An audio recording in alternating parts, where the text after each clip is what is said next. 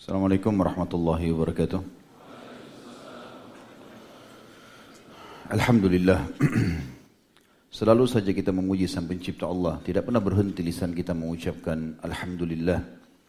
Bahkan diwasiatkan oleh para ulama kepada kita untuk selalu mengucapkan Alhamdulillah ala kulli hal.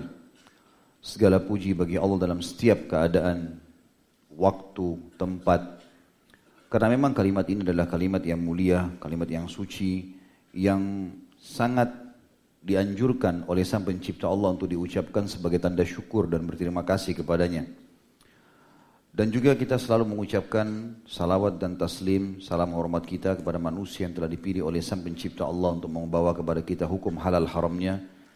Sehingga kita punya panduan hidup, kita tahu mana yang dibolehkan dan dilarang, yang diperintah dan juga yang dilarang oleh Sang Pencipta Allah dan mengucapkan salam hormat ini selalu dikejar oleh orang-orang beriman kepada manusia terbaik yang telah Allah perintahkan mengucapkan salam hormat karena ini bentuk cinta kepadanya dan juga mengejar apa yang Allah janjikan dari 10 kali tambahan rahmat yang berarti pengampunan dosa, peninggian derajat, pemenuhan segala kebutuhan.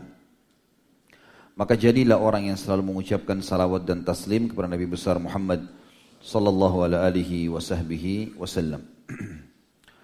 Selalu kita ulangi kalimat ini teman-teman sekalian. Selamat datang para penuntut ilmu. Marhaban bi talabatil ilm. Dan serial kita membahas masalah manusia-manusia terbaik setelah para nabi-nabi, para sahabat ridwanullahi alaihim. Uh, akan kita lanjutkan insya Allah pada siang ini semoga Allah berkahi dengan sahabat yang mulia Muawiyah bin Abi Sufyan radhiyallahu anhuma. Tentu teman-teman membahas manusia ini agak berbeda sedikit dengan membahas umumnya sahabat. Karena cukup banyak orang-orang yang menyudutkan dan menjelekkan nama baik manusia terbaik ini atau manusia yang baik ini tentunya. Dikarenakan dianggap dia memiliki beberapa sejarah tanda kutip yang dianggap kelam oleh sebagian kelompok yang menisbatkan diri pada kaum muslimin. Tepatnya kaum syiah. Tetapi kita hari ini insya Allah akan berusaha, walaupun waktunya cuma dua jam, untuk membahas kisah histori sahabat yang pernah menjadi penulis wahyu Nabi Sallallahu Alaihi Wasallam, sahabat yang telah didoakan secara khusus agar menjadi petunjuk bagi manusia, dan dia pun dapat petunjuk, didoakan agar diampuni dosa-dosanya oleh Nabi Alaihi Wasallam, dan juga diberikan isyarat oleh Nabi SAW kalau dia akan jadi pemimpin di salah satu waktu dari hidupnya dan Nabi SAW sudah titip pesan untuknya agar dia berlaku adil. Manusia yang saudarinya menjadi ummul mukminin, Ummu Habibah radhiyallahu anha. Berarti dia juga dipambi, di, diberikan panggilan dengan paman mukminin.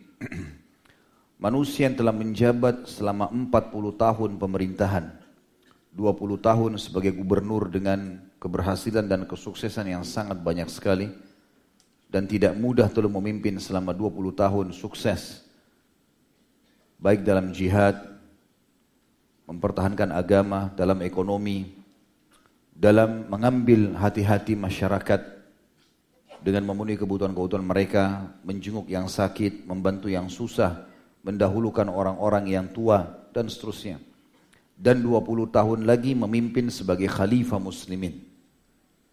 Tentu dengan kedudukan-kedudukan yang besar seperti ini yang diberikan oleh Allah Subhanahu wa taala, maka seseorang tidak akan luput dari hasut dan iri dengkinya orang-orang. Tentu kita tidak akan mengatakan Muawiyah lebih baik dari sahabat yang lain. Tapi dia salah satu dari sahabat-sahabat yang pantas untuk dimuliakan karena punya kiprah yang sangat besar. Dia tidak akan sampai pada tingkatan Abu Bakar, Umar, Uthman, Ali, Talha, Zubair dan sahabat-sahabat yang dijamin masuk surga. Tapi juga dia bukan sahabat yang tidak punya andil dalam agama. Menjadi penulis wahyu saja yang Nabi SAW pilih itu sudah luar biasa.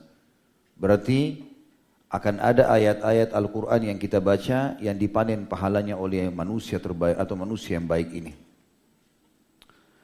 Insya Allah kita akan coba teman-teman sekalian walaupun bahasan ini sebenarnya panjang sekali karena kita membahas orang dari sebelum Islam masuk Islam jadi sahabat jadi manusia biasa bahkan terkenal dengan kehidupan yang sederhananya, kemudian sampai menjadi gubernur selama 20 tahun, kemudian menjadi khalifah selama 20 tahun dan mendirikan dinasti pertama dalam Islam dikenal dengan dinasti Umayyah.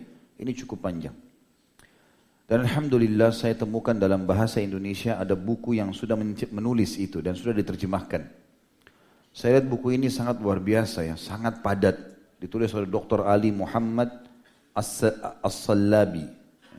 Memang judulnya Muawiyah bin Abi Sufyan prestasi gemilang selama 20 tahun sebagai gubernur dan 20 tahun sebagai khalifah. Disertai studi kritis tentang fitnah-fitnah yang terjadi di zamannya. Diterbitkan oleh Darul Haq buku ini dan cukup tebal.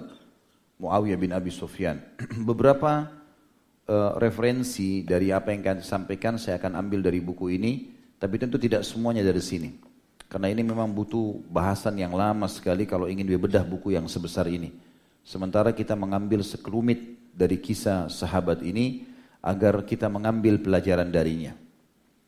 Dan ada yang saya tambahkan seperti kebiasaan saya dalam membahas biologi eh, tentang biografi sahabat ini atau para sahabat adalah setelah menjelaskan manakibnya, keutamaan dan kelebihannya, maka kita mengambil ad-durus wal ibar, pelajaran-pelajaran yang bisa kita ambil. Yang mungkin ini saya susunkan dan insya Allah nanti akan diterbitkan dalam bentuk buku juga dengan izin Allah tentang serial sahabat ini. Baik teman-teman sekalian, beranjak daripada nama sahabat yang mulia ini Muawiyah bin Abi Sufyan bin Umayyah bin Abdi Syams bin Abdul Manaf bin Kusai bin Kilab punya julukan Abu Abdurrahman. Tentu ini sejalur nasab dengan Nabi alaihi salatu wassalam karena Bani Hashim sejalur nasab ya. Bertemu di nasab Qusay bin Kilab. Karena ini akan turun nasab. Berarti memang sejalur nasab dengan Nabi Shallallahu Alaihi Wasallam. Jadi Bani Umayyah dengan Bani Hashim adalah orang kerabat. Kemudian ayahnya Abu Sufyan yang sudah masyhur awalnya tentu membenci dan memerangi Islam, tapi pembebasan kota Mekah masuk Islam dan seluruh anak-anaknya masuk Islam. Abu Sufyan itu dikaruniai Allah SWT beberapa orang anak yang saya temukan nama-namanya di sini adalah ada tujuh anak dan setahu saya semuanya masuk Islam. Yang pertama Yazid bin Abu Sufyan, ini kakaknya Muawiyah. Dan Yazid ini radhiyallahu anhu yang diangkat oleh Umar bin Khattab oleh Uthman bin Affan dan Umar bin Khattab untuk menjadi gubernur di negeri Syam sebelum Muawiyah. Nanti setelah dia meninggal baru Muawiyah diangkat. Lalu ada saudaranya lagi Utbah bin Abu Sufyan, ada Ambasa bin Abu Sufyan, ada Ummu Habibah binti Abu Sufyan dan ini adalah istri Nabi alaihi salatu satu-satunya istri Nabi SAW yang paling tinggi mahar yang diberikan dan dinikahi oleh Nabi wassalam di negeri yang jauh. Karena Ummu Habibah setelah masuk Islam, karena melihat penyiksaan di Mekah dilakukan oleh orang-orang Quraisy, maka dia pun ikut hijrah ke Ethiopia atau ke Habasyah dan di sanalah Nabi SAW melamarnya dan yang langsung memberikan mahar adalah An-Najasyi, raja Ethiopia. Makanya maharnya sangat tinggi yang dihadiahkan pada saat itu. Kemudian ada Ummu Hakam bin Abi Sufyan dan ada Azza bin Abi Sufyan atau binti Abi Sufyan maaf.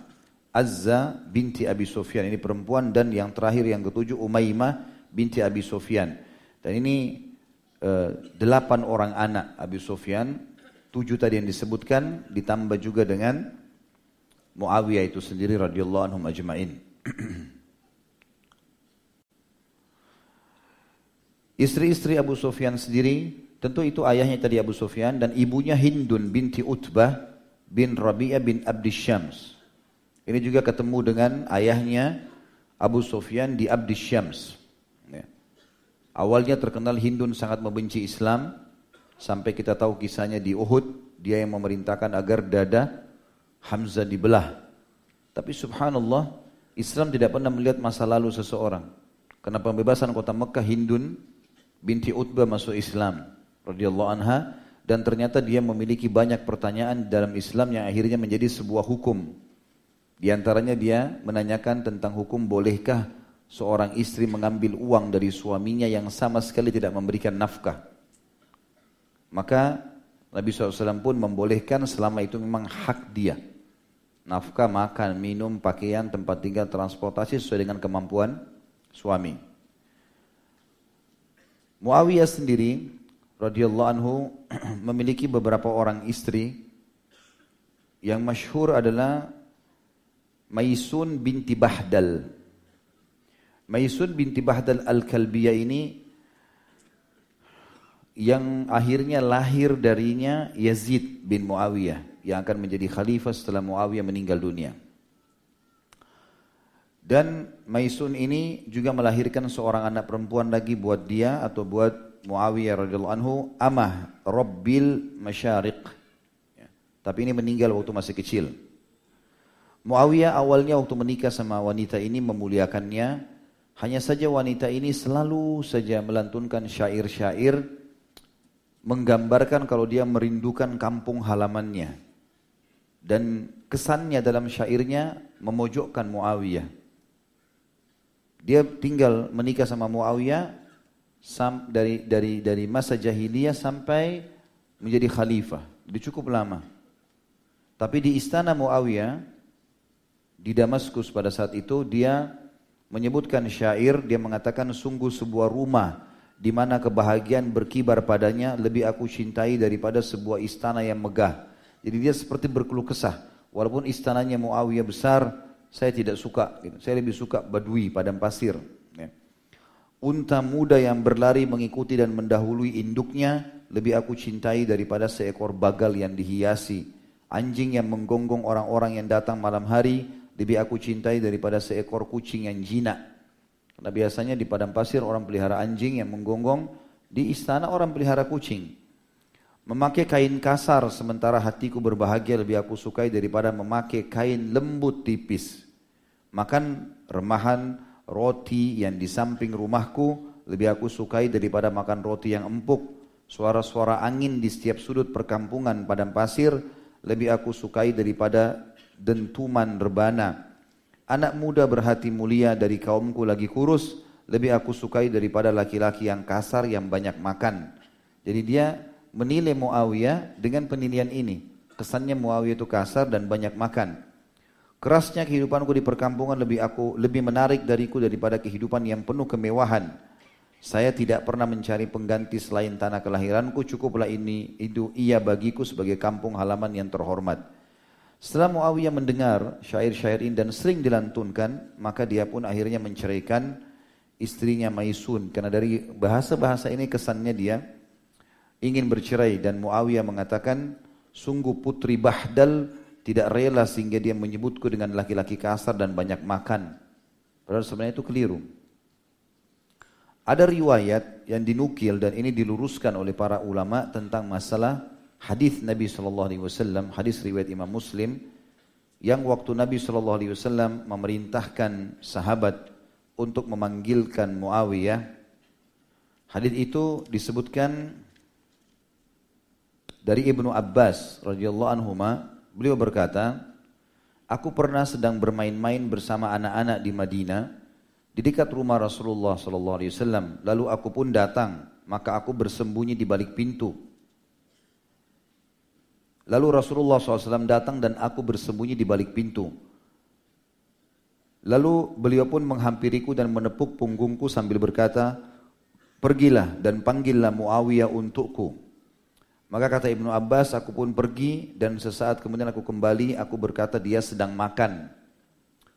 Kata Ibnu Abbas, beliau bersabda, pergilah lagi dan panggillah dia untukku.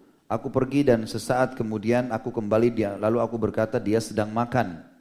Maka Nabi SAW mengatakan semoga Allah tidak mengenyangkan perutnya.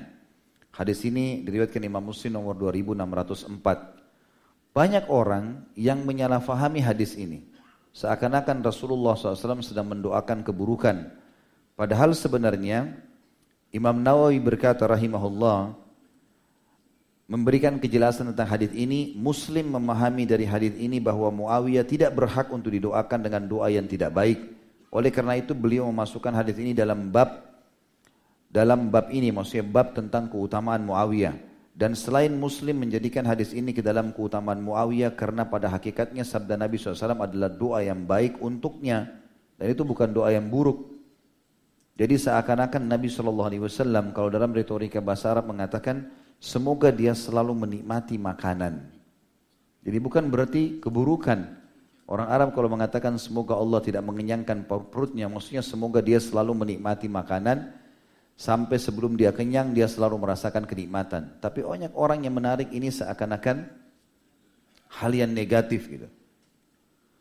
Dan setelah hadis ini, keluar banyak hadis Nabi SAW yang mendoakan Muawiyah. Seperti kasus hadis yang sahih mengatakan, Nabi SAW bersabda, Ya Allah, ajarkanlah Muawiyah Alkitab atau Al-Quran. Juga doa Nabi SAW kepada Muawiyah, atau untuk Muawiyah ya Allah jadikanlah dia petunjuk yang mendapatkan petunjuk. Jadi cukup banyak sekali ya, keutamaan-keutamaan yang disebutkan tentang Muawiyah. Jadi ini bukan negatif sebenarnya tentang masalah ma'ashba Allahu batna.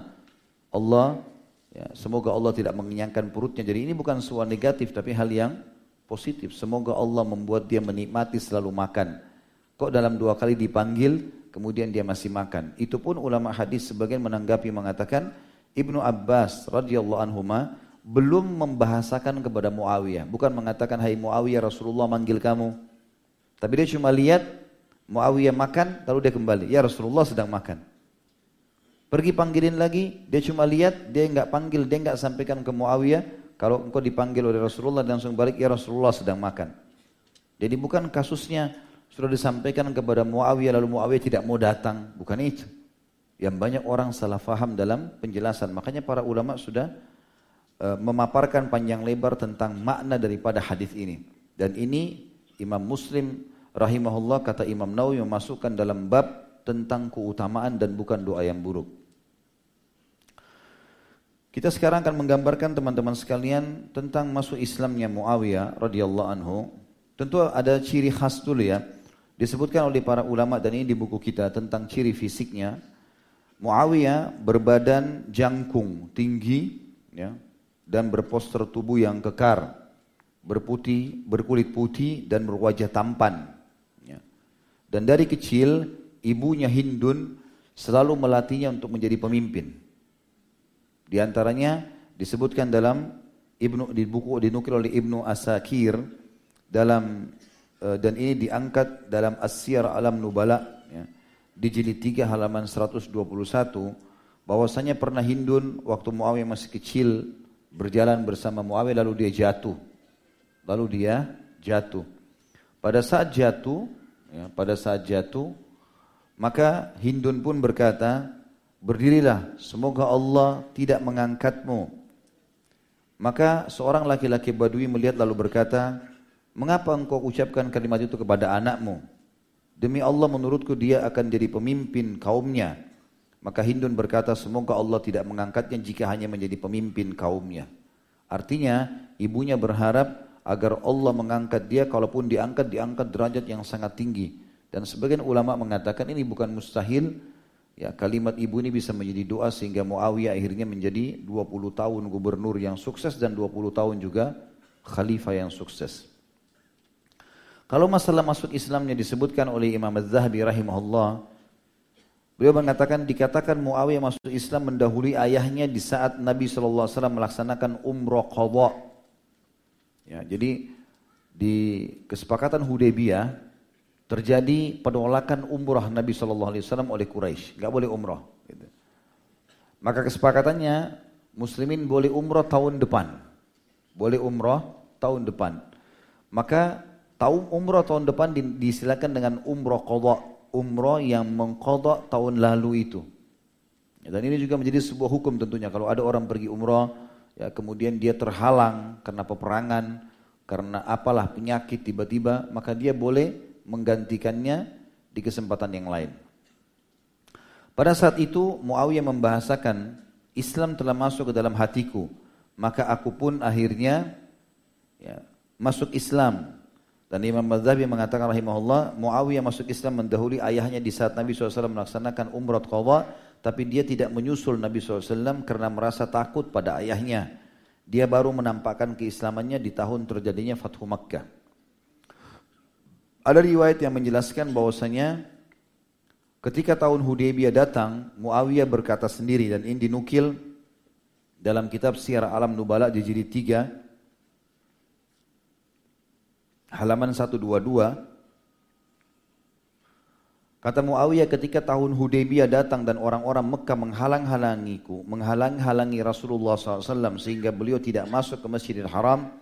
Lalu mereka menulis kesepakatan Hudaybiyah di antara mereka.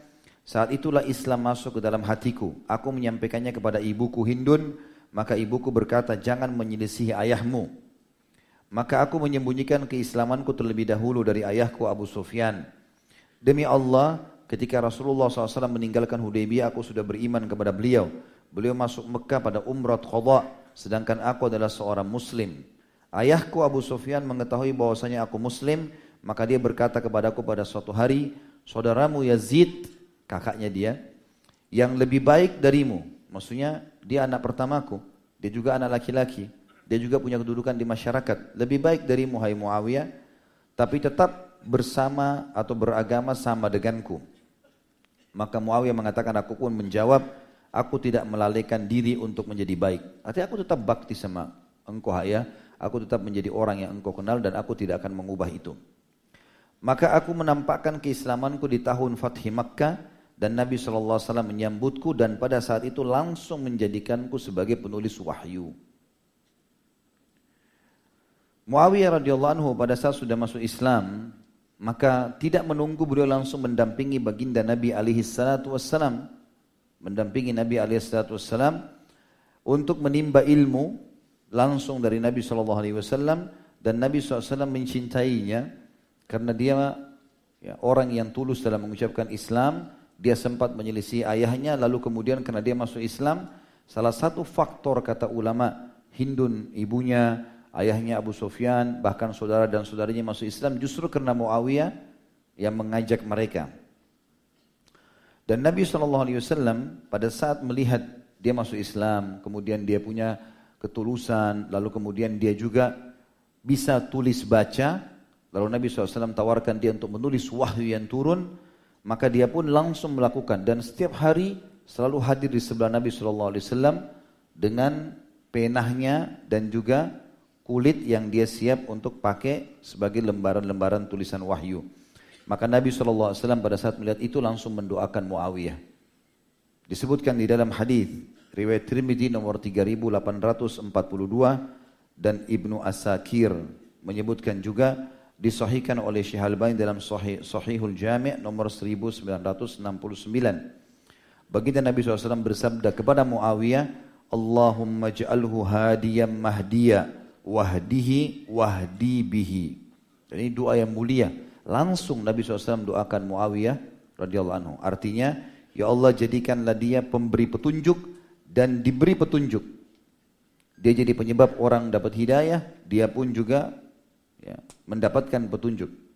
Dan bimbinglah manu, bimbinglah dia dan bimbinglah manusia dengannya. Ya. Ini tentu doa yang sangat mulia. Juga Nabi SAW menyebutkan pada saat Muawiyah sudah mulai menulis wahyu-wahyu tersebut dan Nabi SAW mengecek tulisannya bagus, benar gitu kan dan penuh dengan ketulusan di antara penulis wahyu yang paling rapi tulisannya adalah Muawiyah. Hanya saja beliau radhiyallahu anhu masuk Islamnya di pembebasan kota Mekah. Kalau yang dari awal-awal masuk Islam sudah banyak menulis gitu. Jadi tulisannya mudah difahami, jelas. Maka Nabi SAW membaca doa yang lain lagi buat dia. Riwayat Imam Ahmad di jilid 4 halaman 127. Ya.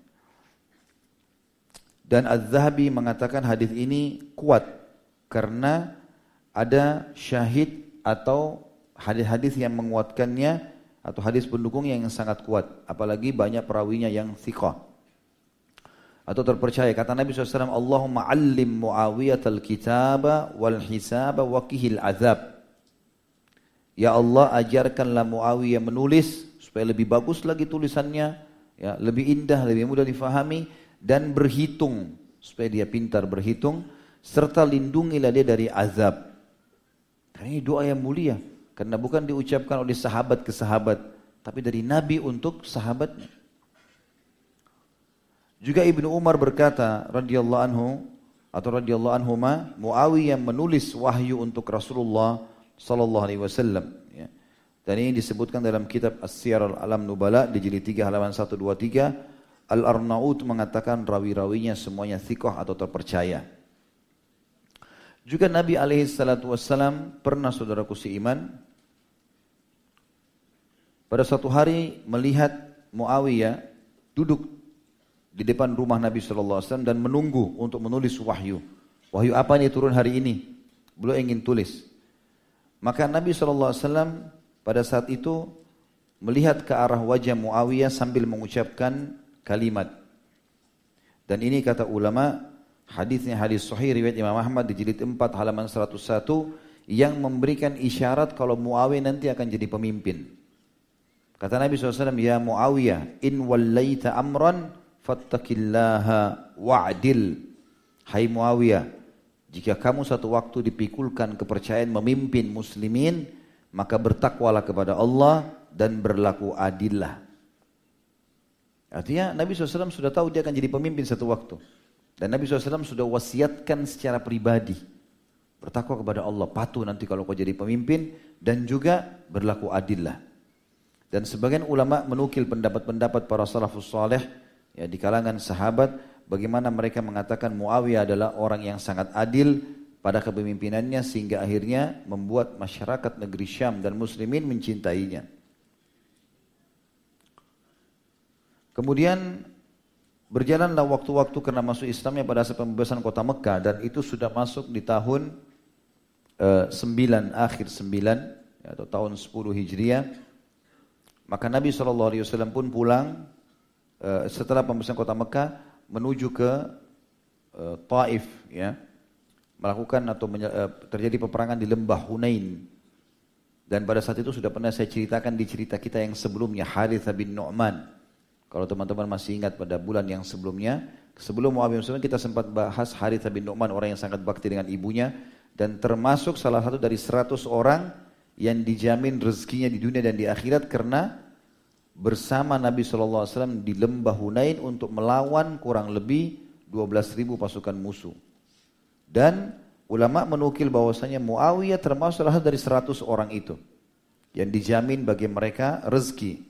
Dan itu pada saat turun uh, firman Allah Subhanahu wa taala tentang ketenangan yang diberikan uh, untuk orang-orang yang ada di Hunain. Dalam surah At-Taubah ayat 26 yang berbunyi A'udzu billahi minasyaitonir rajim surah nomor 9 ayat 26. Thumma anzalallahu sakinatahu ala rasulihi wa ala al-mu'minina wa anzala junudan lam tarawha wa 'adzaba alladhina kafaru wa dzalika jazaa'ul kafirin. Kemudian Allah menurunkan ketenangan kepada Rasulnya dan orang-orang beriman yang bersamanya. Dan dia Allah menurunkan bala tentara para malaikat yang tidak terlihat oleh kalian dan dia menimpakan azab kepada orang-orang kafir, itulah balasan bagi orang-orang yang kafir. Dan para sahabat menyaksikan sendiri bahwasanya Muawiyah termasuk orang-orang yang ikut dalam perang Hunain dan termasuk orang-orang mukmin 100 orang yang bertahan bersama Nabi sallallahu alaihi wasallam. Juga dinukil bahwasanya beliau termasuk orang yang uh, menginfakkan hartanya di perang Hunain dan terlibat juga di perang Tabuk setelahnya. Nah setelah Tabuk Nabi SAW meninggal, maka peperangan yang tersisa dihadiri oleh Muawiyah radhiyallahu anhu. Tentu ada uh, beberapa riwayat yang lain yang menjelaskan tentang bagaimana Nabi Wasallam ya, menyebutkan tentang keutamaan-keutamaan Muawiyah. Nanti akan kita sebutkan di manakibnya itu insya Allah. Kita akan sebutkan di keutamanya tentang beberapa riwayat Eh, tentang kesuksesan nanti atau akan suksesnya pasukan Muawiyah untuk menguasai negeri Syam. Bahkan dijanjikan pengampunan dosa karena Nabi SAW mengatakan pasukan umatku yang pertama meraungi lautan akan diampuni dosanya. Dan itu yang paling pertama adalah Muawiyah radhiyallahu anhu sebagaimana akan kita jelaskan nanti insyaallah. Tentu beliau berjalan di zaman khilafah Abu Bakar belum menjadi atau belum memiliki jabatan apa-apa, nanti di zaman Umar bin Khattab radhiyallahu anhu, beliau lalu memilih gubernur-gubernur dan Umar bin Khattab terkenal orang yang sangat detail sekali memilih gubernur. Harus orang yang paling bertakwa, tidak mengejar jabatan, ya, orang yang betul-betul memberikan hak masyarakatnya gitu kan. Bahkan Umar bin Khattab sering kali memantau secara langsung para gubernurnya. Beliau mengangkat gubernur pertama negeri Syam dan waktu itu wilayah terbesar kekuasaan umat Islam negeri Syam. Palestina, Yordania, Libanon dan Syria. Empat negara ini dan sebagian ulama mengatakan sebagian wilayah Asianya Turki itu masuk dalam istilah ini walaupun empat negara ini yang sudah pasti. Itu wilayah terluasnya kaum muslimin pada saat itu. Ya. Karena Madinah sama Mekah juga dikuasai, tapi ini termasuk wilayah asing yang terdiri dari luar Jazirah Arab yang dianggap besar. Nah, Umar bin Khattab menunjuk pada saat itu Yazid bin Yazid bin Abi Sufyan, kakaknya Muawiyah. Sampai akhirnya Yazid meninggal dunia lalu Umar bin Khattab menunjuk langsung Muawiyah. Dan Muawiyah ditunjuk oleh Umar bin Khattab dan kalau kita tidak ragu dengan keutamaan Umar bin Khattab, maka kita tidak akan ragu dengan keutamaan Muawiyah yang dipilih langsung oleh Umar bin Khattab dan Umar bin Khattab tidak mencopotnya sampai Umar bin Khattab meninggal. Dan uniknya setelah Umar bin Khattab meninggal dan Uthman bin Affan menjadi khalifah, maka Uthman bin Affan melanjutkan ya, ke, ke jabatan atau tingkatan gubernur ini, jabatan gubernur ini untuk Muawiyah. Sampai Uthman bin Affan pun meninggal dunia. Jadi memang lebih dari kurang lebih 20 tahun Muawiyah menjadi gubernur di negeri Syam. Dan dua khalifah Umar dan Uthman radhiyallahu anhu majma'in yang memilih secara langsung yang merupakan juga mereka dikenal dengan Khulafaur Rashidin atau khalifah-khalifah tertunjuk yang dipilih setelah Nabi Shallallahu Alaihi Wasallam meninggal dunia. Ada sebagian orang juga yang menganggap ini negatif, mengatakan Uthman bin Affan karena dari suku Umayyah, maka dia pilih juga Muawiyah karena dari suku Umayyah. Yang ini keliru. Ini betul-betul menjatuhkan citranya Uthman bin Affan. Padahal Uthman tidak seperti itu orangnya. Dan lebih jauh daripada itu jawabannya adalah yang memilih Muawiyah bukan bukan Utsman, Umar bin Khattab. Utsman cuma melanjutkan penunjukan Umar. Maka hati-hati teman-teman, terutama muslimin yang baru belajar, jangan sampai terbawa dengan fitnah-fitnah yang banyak ditulis dalam buku yang menjatuhkan Utsman bin Affan, Muawiyah bin Abi Sufyan dan ini salah satu faktor penyebab kita membahas masalah ini. Dan alhamdulillah bahasan kita hari ini melengkapkan bahasan dua khalifah yang dulu kita bahas di awal-awal, Uthman bin Affan dan Ali bin Abi Thalib radhiyallahu anhum ajma'in. Imam Az-Zahabi berkata, cukuplah bagi kalian sebagai bukti seseorang yang diangkat oleh Umar sebagai gubernur di satu wilayah, kemudian Uthman meneruskannya. Wilayah yang dipimpin adalah wilayah perbatasan. Lalu dia memimpinnya dengan baik dan menunaikan tugasnya dengan sangat baik. Dia membuat rakyat ridho dengan kedermawanannya dan kebijakannya. Sekalipun sebagian dari mereka sesekali menyesalkannya. Muawiyah dikatakan dalam buku-buku sejarah termasuk buku yang kita bahas ini, serial para sahabat dinukil dan ini diambil dari Syiar Alam Nubala di jilid 3 halaman 133. Kalau Muawiyah dicintai oleh seluruh rakyatnya, dia adalah gubernur Syam selama 20 tahun dan setelahnya menjadi khalifah selama 20 tahun. Tidak seorang pun menggugat kekuasaannya. Tidak pernah ada yang memberontak di zamannya dia. Sebaliknya, seluruh umat tunduk pada hukumnya. Dia berkuasa atas orang-orang Arab dan orang-orang Ajam. Dia juga menguasai Al-Haramain, Mekah dan Madinah, Mesir, Syam, Irak, Khurasan, Persia, Al-Jazirah, sejazirah Arab, Yaman, Maghrib dan lain-lain. Sebagaimana dinukil dalam siara alam nubala ini. Artinya seluruh wilayah Islam di bawah naungan dia dan dia dihitung di, uh, raja pertama dalam yang mendirikan dinasti pertama dalam Islam, kerajaan pertama karena sebelumnya Khulafa Rashidin. Kemudian beliau punya kedudukan-kedudukan yang tinggi di kalangan sahabat. Jadi kalau sahabat memuji, maka sudah cukup bagi kita.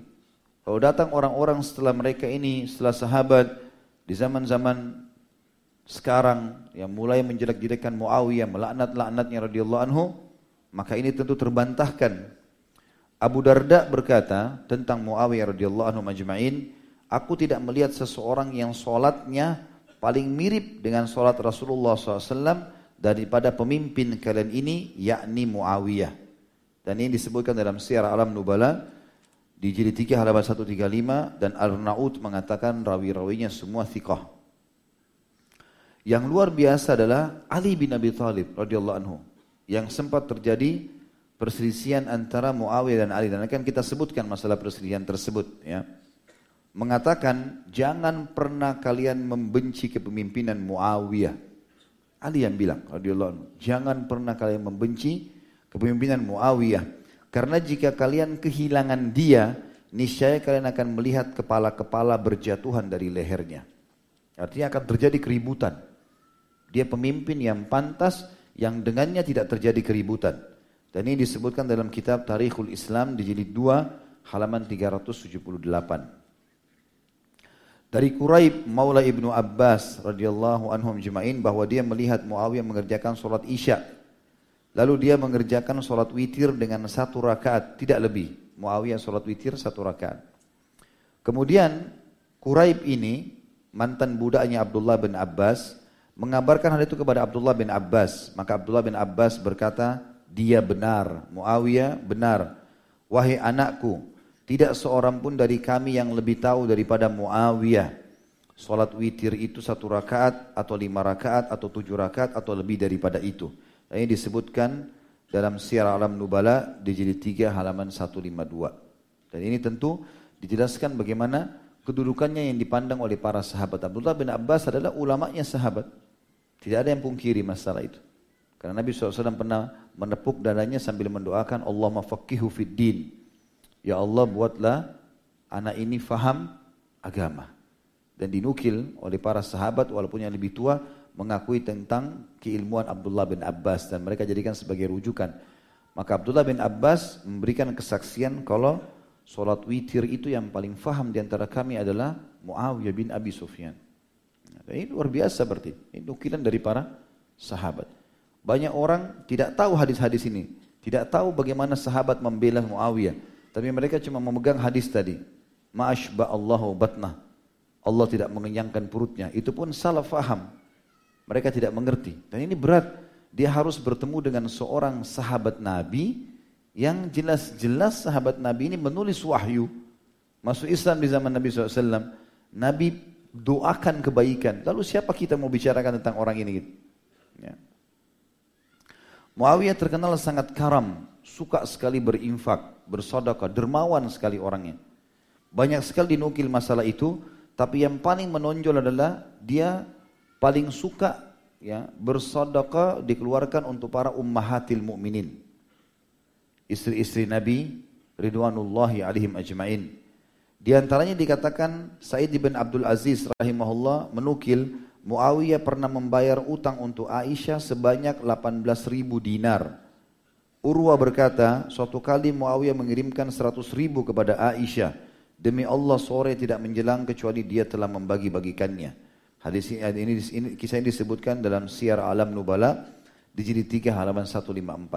Ya. Dan ini jelas sekali bagaimana ya, beliau sangat dermawan dan ini sebagian kecil tentunya. Cukup banyak kisah tentang kedermawanan termasuk banyaknya bangunan-bangunan dibangun di negeri Syam, ya, pembuatan kapal-kapal perang yang tidak luput dari harta-harta pribadi Muawiyah, bukan dari pemerintahan yang murni, ya, ditambah dengan biaya-biaya dari beliau. Sementara jihadnya juga dinukil sudah jelas dia mengikuti tadi perang Hunain dan dia berinfak dan termasuk dari 100 orang yang dijamin baginya rezeki sebagaimana kisah Harith bin Nu'man yang lalu juga begitu ya.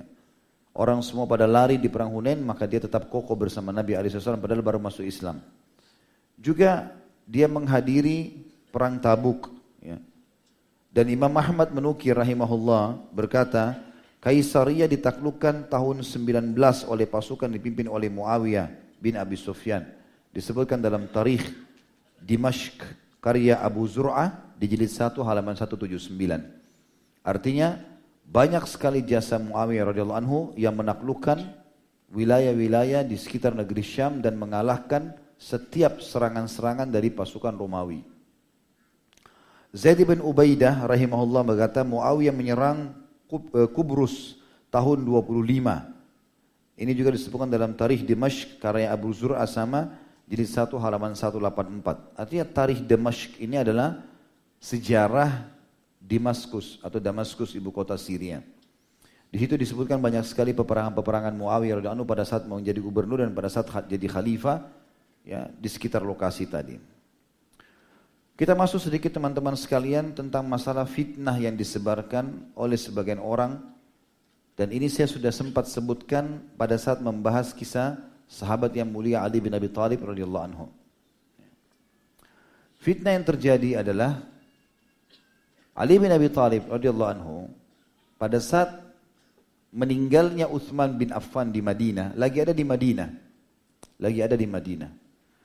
Maka pada saat itu, pada saat Ali bin Abi Thalib di Madinah dan beliau sempat dikatakan dalam sebuah riwayat datang menggunakan imamah hitamnya, kemudian menghenduskan pedangnya sambil berkata kepada Utsman, "Wahai Utsman, perintahkan kepada kami, maka kami akan membelahmu."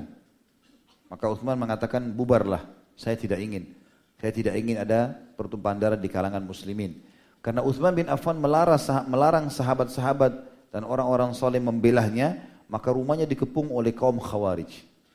Ada sebabnya, Utsman bin Affan di zaman khilafahnya beliau, sempat ada satu orang masuk yang bernama Abdullah bin Sabah.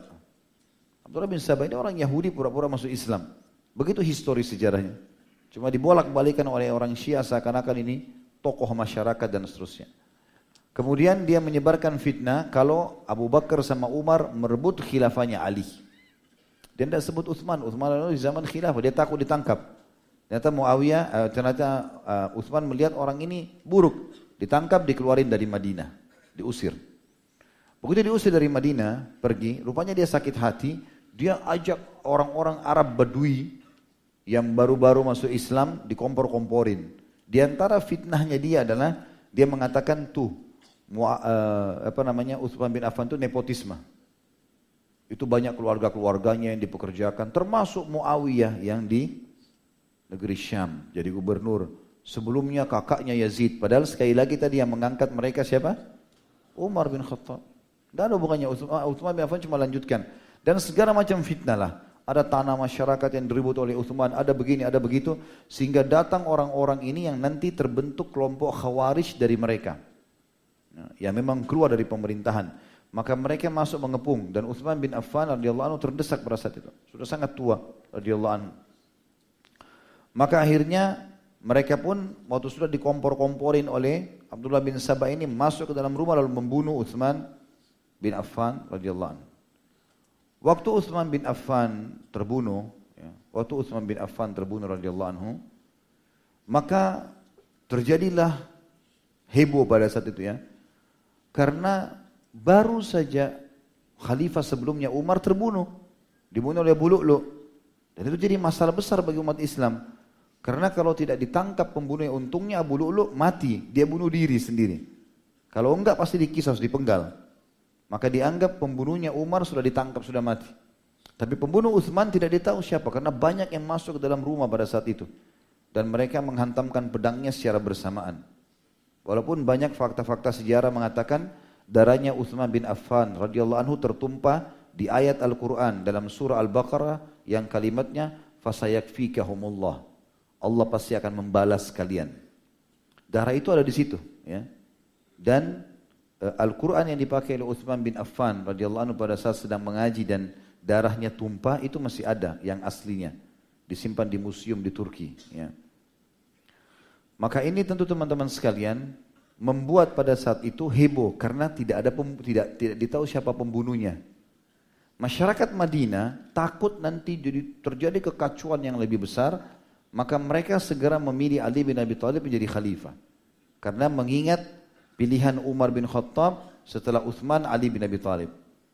Maka diangkatlah Ali bin Abi Thalib. Muawiyah ini zaman dulu tidak ada alat komunikasi kayak kita sekarang nggak ada handphone, nggak bisa orang komunikasi, nggak ada email, nggak ada segala macam. Orang cara ketemunya kirim utusan, itu pun utusannya kalau selamat hidup sampai ke sana. Kadang-kadang dirampok di tengah jalan atau dia datang sendiri. Muawiyah ini yang tunjuk dia menjadi gubernur siapa? Utsman bin Affan. Selain daripada itu, Utsman juga sepupunya. Sama-sama dari suku Umayyah. Maka ini seperti atasannya dialah. Ali bin Abi Thalib baru dipilih.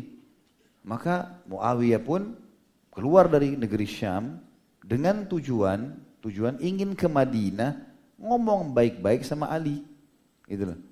Apa nih ceritanya? Bagaimana ceritanya nih? Kenapa kok langsung tiba-tiba ada khalifah? Kenapa kok pembunuhnya Utsman gak ditangkap? Gitu. Harus ditangkap dihukum ini. Jadi tidak terulang lagi. Dan betul ternyata terulang lagi ya. Ali bin Abi Thalib terbunuh juga. Ya kan? Ditusuk juga. Karena pembunuhnya Utsman gak ditangkap waktu itu. Waktu Ali pun radhiyallahu anhu menjadi khalifah, beliau pun belum menemukan mana ini yang membunuh ini, nggak tahu siapa gitu. Ya. Intinya pada saat itu waktu keluar dari negeri Syam, karena dari negeri Syam jalan ke Madinah jauh, sebulan perjalanan. Zaman dulu. Itu pun sebulan tuh orang kalau pakai kuda yang tercepat. Mirip dengan perjalanan Mekah negeri Syam yang Abu yang Abu Jahal sempat kaget Nabi SAW melakukan perjalanan Isra dalam semalam bolak-balik sementara itu sebulan perjalanan mereka. Dengan pasukan lebih lama, hampir dua bulan perjalanan. Rupanya orang-orang yang sudah membunuh Utsman bin Affan ini takut. Jangan sampai mereka kebuka kentuknya. Gitu kan? Maka mereka mengirim surat ke Ali bin Abi Thalib di Madinah dari Irak. Nah, mereka berkumpul di Irak. Mereka ngirim surat, wahai Amir Mu'minin Ali bin Abi Thalib gini-gini, kami mendengar informasi Muawiyah keluar dengan pasukannya akan menyerang Madinah karena nggak setuju Anda jadi khalifah. Padahal ini berita bohong, nggak benar ini. Muawiyah keluar bukan untuk itu. Sama sekali nggak ada hubungannya gitu. Maka Ali pun, karena zaman dulu nggak ada komunikasi jauh jaraknya, maka Ali berjaga-jaga jangan sampai benar nih. Ali bin Abi Thalib pun bentuk pasukan di Madinah keluar. Ketemulah dua pasukan di wilayah namanya Siffin.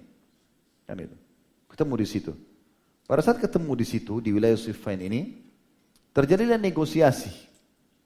Apa sebabnya keluar, apa sebabnya gini. Terjadilah beragu argumen. Intinya Muawiyah minta, hai Ali, tangkap pembunuhnya Utsman. Hukum. Baru saya bayat. Gitu. Jadi selesaikan ini kasus masalah. Selain dia yang dia khalifah dulu yang nunjuk saya jadi gubernur, yang kedua dia juga sepupu saya, gitu kan? Dia juga sahabat Nabi, dia anak mantu Nabi, dia begini, dia begitu sebutkan. Ali bilang baiklah, bayat saya Pastikan kau membayar saya, saya akan selesaikan itu. Jangan ada wilayah muslimin yang tidak membayar saya sebagai khalifah. Beri dukungan dulu. Intinya sudah klop nih. Oke? Okay? Muawiyah kasih dukungan bayat, Ali tangkap pembunuh. Selesai urusan. Rupanya orang-orang khawarij tadi ini tahu ini, ini jadi masalah. Nanti akan menjadi kekuatan besar, ketahuan siapa yang membunuh. Apa yang terjadi? Mereka bagi dua. Setengah mereka masuk ke kelompok pasukannya Ali, setengah mereka masuk ke kelompoknya Muawiyah. Besok nih rencananya sudah mau bubar nih, sudah sepakat. Malam itu sebagian khawarij dari kelompok Muawiyah, dari pasukan Muawiyah lempar anak panah api ke perkemahannya Ali bin Abi Thalib. Dari kemahnya Ali bin Abi Thalib lempar juga anak panah api ke wilayahnya Muawiyah. Kira-kira kalau antum hadir pada saat itu, bagaimana? Malam loh ini, nggak ada lampu, nggak ada apa. Lalu mereka sudah atur yang di kelompoknya Muawiyah, ini Khawarij yang aturin. Apa mereka bilang? Kelompok Ali bin Abi Thalib berkhianat. Dan memang panah api ini terlempar terus. Mereka nggak satu dua kali. Mana kesannya lagi ada serangan. Sampai pasukan yang ada di Muawiyah lihat benar ada serangan dari sana. Malam. Tiba-tiba dari kelompoknya dari kelompoknya Muawiyah ini juga terus lempar, ayo kita balas, ayo kita balas gitu-gitu. Maka yang dari kelompoknya Ali yang khawaris di sana bilang, kelompoknya Muawiyah berkhianat, kesannya ini sudah perang. Padahal mereka yang buat fitnah ini. Ini yang terjadi, ini fakta sejarahnya begitu. Jadi Muawiyah sama Ali bukan mau perang, kalau mau perang dari hari pertama perang, ini tiga hari negosiasi. Gak ada peperangan, gak ada apa. Hari terakhir besok sudah mau bubar, malam itu terjadi keributan. Maka terjadilah serang menyerang satu sama yang lain. Begitu pagi hari, dilihat korban banyak, Ali suruh berhenti.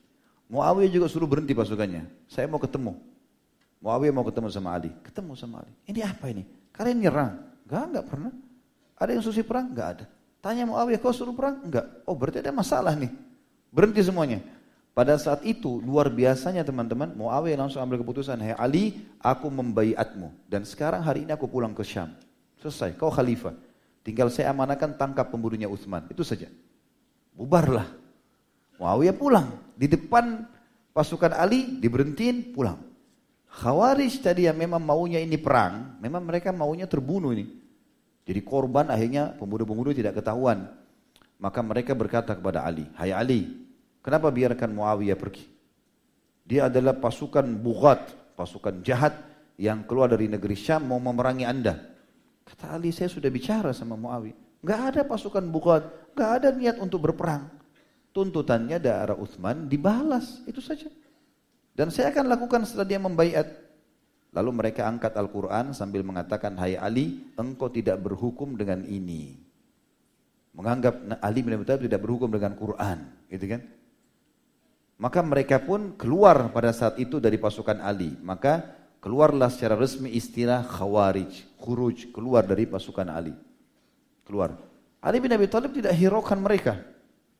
Sudah selesai. Ini Pengaco biarin aja udah. Ali belum tahu kalau pembunuh-pembunuh dari mereka ini. Begitu Ali bin Abi Thalib menuju ke Madinah mau pulang, Muawiyah sudah ke negeri Syam, sampai berita dari beberapa mata-mata Ali bin Abi Thalib, kalau yang keluar tadi dari kelompok ini yang namanya Khawarij ini, sepanjang jalan pulang ke Irak, ke Khurasan, mereka bunuh-bunuh umat Islam di tengah jalan. Jadi dibunuh-bunuhin perempuan, ada yang hamil dipukul, dibelah perutnya, ada yang dipenggal, membunuh umat Islam. Ali bin Abi Thalib nggak jadi pulang ke Madinah, kembali lagi. Lalu Ali bin Abi Thalib berkemah mengutus Abdullah bin Abbas radhiyallahu anhu dakwahi mereka itu. Abdullah bin Abbas datang ke sana, dakwahin. Sampaikan, ini keliru, ini begini, ini begini. Sampai banyak di antara mereka yang taubat pada saat itu. Makanya dari sini juga sebagian ulama mengambil sebuah hukum. Bagaimana pada saat itu uh, Ali bin Abi Thalib tidak ya langsung memerangi mereka tapi mendakwahi mereka dan juga tidak memanggil mereka datang ke komunitas Ali bin Abi Thalib agar tidak menjadi fitnah. Kalau orang-orang yang berbuat kejahatan-kejahatan ini punya lisan yang tajam, dia bisa membolak-balikan ayat Al-Quran bisa jadi fitnah bagi muslimin. Kayak misalnya di majelis begini, kita panggil satu orang Syiah bicara sini.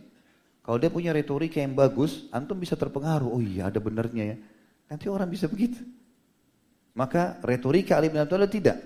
Kirim Abdullah bin Abbas ke sana. Ulama yang datang sana silakan berdialog di tempat mereka. Selesai banyak yang mulai kembali tapi yang lainnya tidak mau. Bahkan mereka buat kekacauan, bunuh-bunuh umat Islam. Oleh Abi Thalib, Ali bin Abi Thalib dikejar. Di pesisir jalan semua kalau ditemuin diperangi oleh Ali bin Abi Thalib dan Ali bin Abi Thalib menukil hadis beliau mengatakan kalau Rasulullah SAW pernah menyebutkan kepadaku Hai Ali, engkau akan bertemu dengan satu kelompok yang engkau akan perangi. Kalau engkau menemukan di dalam pasukan mereka ada laki-laki yang lengannya seperti payudara wanita, kayak tidak ada tulangnya. Itu pemimpin mereka. Kalau itu ada di pasukan, ketahuilah kau dalam keadaan benar. Maka Ali bin Abi Thalib memerangi terus mereka sampai pasukannya mereka habis terbunuh. Gitu kan? Walaupun masih ada kelompok khawarij di tempat-tempat lain, tapi ini yang membuat kekacauan tadi terbunuh. Maka Ali bin Abi Thalib berkata pada pasukannya, cari mana itu? Itu Sadain namanya. Orang yang tangannya seperti payudara perempuan. Cari di pasukan. Begitu ditemukan, Ali bin Abi Thalib dengan pasukannya bertakbir sujud syukur kepada Allah kalau mereka bukan membunuh sembarangan orang tapi betul. Karena Nabi SAW mengatakan engkau akan membunuh mereka dan mereka itu kelompok khawarij. Nah, dan Nabi SAW sebutkan banyak dalam hadis. Kalau Khawarij adalah anjingnya, neraka dan seterusnya ya. Ada mungkin teman-teman bisa baca artikel khusus masalah itu. Ringkas cerita, Muawiyah radhiyallahu anhu itu pulang ke negeri Syam, membayat Ali, tidak pernah memberontak. Sama sekali tidak pernah. Gitu kan. Ini termasuk yang ditulis oleh penulis buku kita yang sedang kita bedah, pembelaan untuk Muawiyah. Beliau mengatakan fitnah terjadi antara Ali dengan Muawiyah dan di antara keduanya terjadi apa yang telah terjadi Masing-masing dari keduanya betul-betul hanya berharap wajah Allah dan alam akhirat. Muawiyah keluar untuk menginginkan kebaikan, eh, Ali juga keluar untuk menginginkan kebaikan. Di antara mereka ada yang benar dan ada di antara mereka yang salah. Jika seseorang mujtahid benar, dia mendapatkan dua pahala dan jika salah dia mendapatkan satu pahala. Dan kami meyakini semua sahabat Rasulullah SAW adalah udul. Udul itu artinya baik dan terjaga agama dan akhlaknya. Baik Ali maupun Muawiyah dan semua sahabat. Mereka tidak menginginkan dunia dan kenikmatannya yang fana dan mereka tidak sekalipun mengharapkan perhiasannya. Al-Hafidh Ibn Kathir rahimahullah berkata, apa yang terjadi di antara Muawiyah dengan Ali setelah Uthman terbunuh terjadi karena dasar ijtihad dan pendapat sehingga terjadilah peperangan besar di antara mereka. Kebenaran pada saat itu ada di pihak Ali sedangkan Muawiyah dimaklumi menurut jumhur ulama salaf dan khalaf kalau itu bukan juga kesalahan. Karena Muawiyah karena Ali bin Abi Thalib sudah dianggap khalifah, gitu kan. Seperti itulah. Hadis-hadis yang sahih yang menerapkan bahwa kedua kubu adalah muslim sebagaimana Nabi SAW bersabda sebagian ulama menarik hadis ini adalah terjadi pada saat perang Siffin dan Nabi SAW sudah sebutkan sebelumnya Kata Nabi SAW, tamruku marikatum ala khairi furqatil ala khairi furqati muslimin fayaktuluha adnat ta'ifataini ilal haq. Akan muncul sekelompok pembelok kepada kaum muslimin yang berselisih. Maka kelompok tersebut akan dibunuh oleh salah satu satu kelompok yang lebih dekat pada kebenaran. Kata para ulama hadis yang dimaksud dengan kelompok pembelok adalah khawarij yang sengaja ya, mereka mengacaukan antara Muawiyah sama Ali dan akhirnya Ali pun membunuh mereka. Dan pada saat itu Muawiyah kembali ke negeri Syam dan memerangi orang-orang Romawi dua kali dalam setahun, sekali di musim dingin dan sekali di musim panas. Dia memerintahkan seseorang dari kaumnya untuk memimpin haji. Dia sendiri menunaikan haji pada tahun setelahnya, gitu. atau tahun 50 dan seterusnya. Dalam arti kata, Ali bin Abi Thalib sudah dibaiat, Muawiyah sudah pulang dan berjalan sampai meninggalnya Ali bin Abi Thalib dibunuh oleh seseorang tentunya Abu Maljam yang memang masyhur juga dari kelompok Khawarij. Ya, yang membunuh akhirnya Ali bin Abi Thalib. Ya, dan anehnya dia menganggap membunuh Ali bin Abi Thalib adalah sebuah ibadah. Ya, Allah mustahil fitnah terjadi. Ya. Jadi teman-teman berbahaya sekali ya ada ada dosa namanya syahwat, ada dosa namanya syubhat. Kalau dosa syahwat, zina, mencuri, menggibah, ini umumnya pelakunya kata ulama tahu kalau dia buat salah. Jadi tidak sulit untuk taubat, bisa tersentuh secara keimanan taubat. Ada dosa syahwat, ini bahaya. Ada dosa syubhat, syubhat bagi dia. Dia pikir dirinya benar, padahal salah. Seperti kelompok khawarij ini membuat dirinya benar, mengkafirkan semua orang, menyalahkan semua orang. Ciri-cirinya sudah disebutkan dalam banyak hadis, gitu kan. Maka ini mereka pikir mereka benar. Yang membunuh Ali itu hafal 30 juz Al-Quran. Ya. Sholat malam nggak pernah ketinggalan. Dan dia mereka sepakat itu mau membunuh. Yang satu bunuh Ali, yang satu bunuh Muawiyah, yang satu bunuh Amr bin As. Maka yang membunuh Ali bin Abi Thalib di sholat subuh datang, ditusuk Ali bin Abi Thalib. Tapi Ali sudah tahu dan beliau mengatakan telah disampaikan kepada aku oleh Rasulullah SAW dan ini pasti terjadi. Aku akan ditusuk di sini dan akan menetes darah di sini sampai ke sini. Ali bin Abi Thalib sudah disampaikan oleh Nabi SAW akan terjadi terbunuhnya beliau. Tapi jelas teman-teman sekalian, Muawiyah setelah itu, setelah terbunuhnya Ali bin Abi Thalib terjadi fitnah tentunya, terjadi fitnah lagi. Masyarakat Madinah mengingat kejadian Ali bin Abi Thalib dinobatkan, maka mereka memilih Hasan bin Ali. Ini kayaknya yang paling bijak sekarang anaknya bin Abi Thalib saja, Ali. Karena Nabi Ali bin Abi Thalib memang mendidik Hasan menjadi radhiyallahu anhu seorang pemimpin. Gitu. Memang mulia, pintar, gitu kan. Dan dijanjikan Nabi SAW sebagai pemimpin anak muda di surga. Maka pada saat itu teman-teman sekalian, Muawiyah keluar lagi dari negeri Syam. Tapi niat keluarnya sama waktu awal keluar, waktu menghadapi Ali bin Abi Thalib. Karena zaman dulu tidak ada alat komunikasi keluar lagi ke Madinah. Mau bicara lagi. Ini gimana ceritanya nih? Ali mati dibunuh, kebetulan sebelumnya Utsman dibunuh, pembunuhnya Utsman tidak ketahuan. Pembunuhnya Ali berhasil ditangkap, dihukum. Tapi bagaimana ceritanya nih Hasan jadi khalifah nih? Gitu. Mau dengar, mau tahu ceritanya. Datanglah Ali bin, uh, Muawiyah bin Sufyan sampai tiba di pintu gerbang Madinah. Hasan bersama duduk Madinah berjaga-jaga, belum terjadi komunikasi. Ada juga pasukan. Begitu dua kedua pasukan ketemu, Hasan faham masalah ini radhiyallahu anhu, berakal. Cucu Nabi SAW yang luar biasa keimanannya. Maka dia melihat dan dia mengingat kakeknya waktu berkata, ya, kalau pertanyaan kasih ke sana, kasih ke kameramen. Nanti disortir dulu. Dan jangan bertanya dulu, kita masih cerita ini. Antum ganggu konsentrasi saja. Nanti saya lupa riwayatnya. Jangan pakai kertas, jangan nulis. Lihat ke depan dulu. Kita selesaikan dulu baru antum nanya. Lagi untuk aman nanya. Hah? Ambil saja ilmunya, amalkan, mati. Masuk surga. Gampang sekali. Nanya ini, nanya itu. Apalagi belum selesai. Terus sudah gitu bahas Muawiyah, tanya masalah pernikahan. Tidak nyambung nanti. Sampai mana tadi? Hah? Iya. Hasan radhiyallahu anhu melihat ke pasukan. Lalu beliau mengingat sabda kakeknya sallallahu alaihi wasallam waktu melihat Hasan mengatakan anak cucuku ini atau anakku ini adalah tuan, sayyid. Dan semoga Allah menolong dia untuk menyatukan dua pasukan muslimin.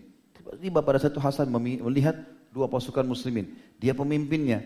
Di sebelah ada Muawiyah. Tidak niat perang, tapi pasukan sudah ketemu. Ini pakaian perang, ini pakaian perang. Sekarang saya kasih gambaran teman-teman. Ini jelinya, cerdasnya Hasan radhiyallahu anhu.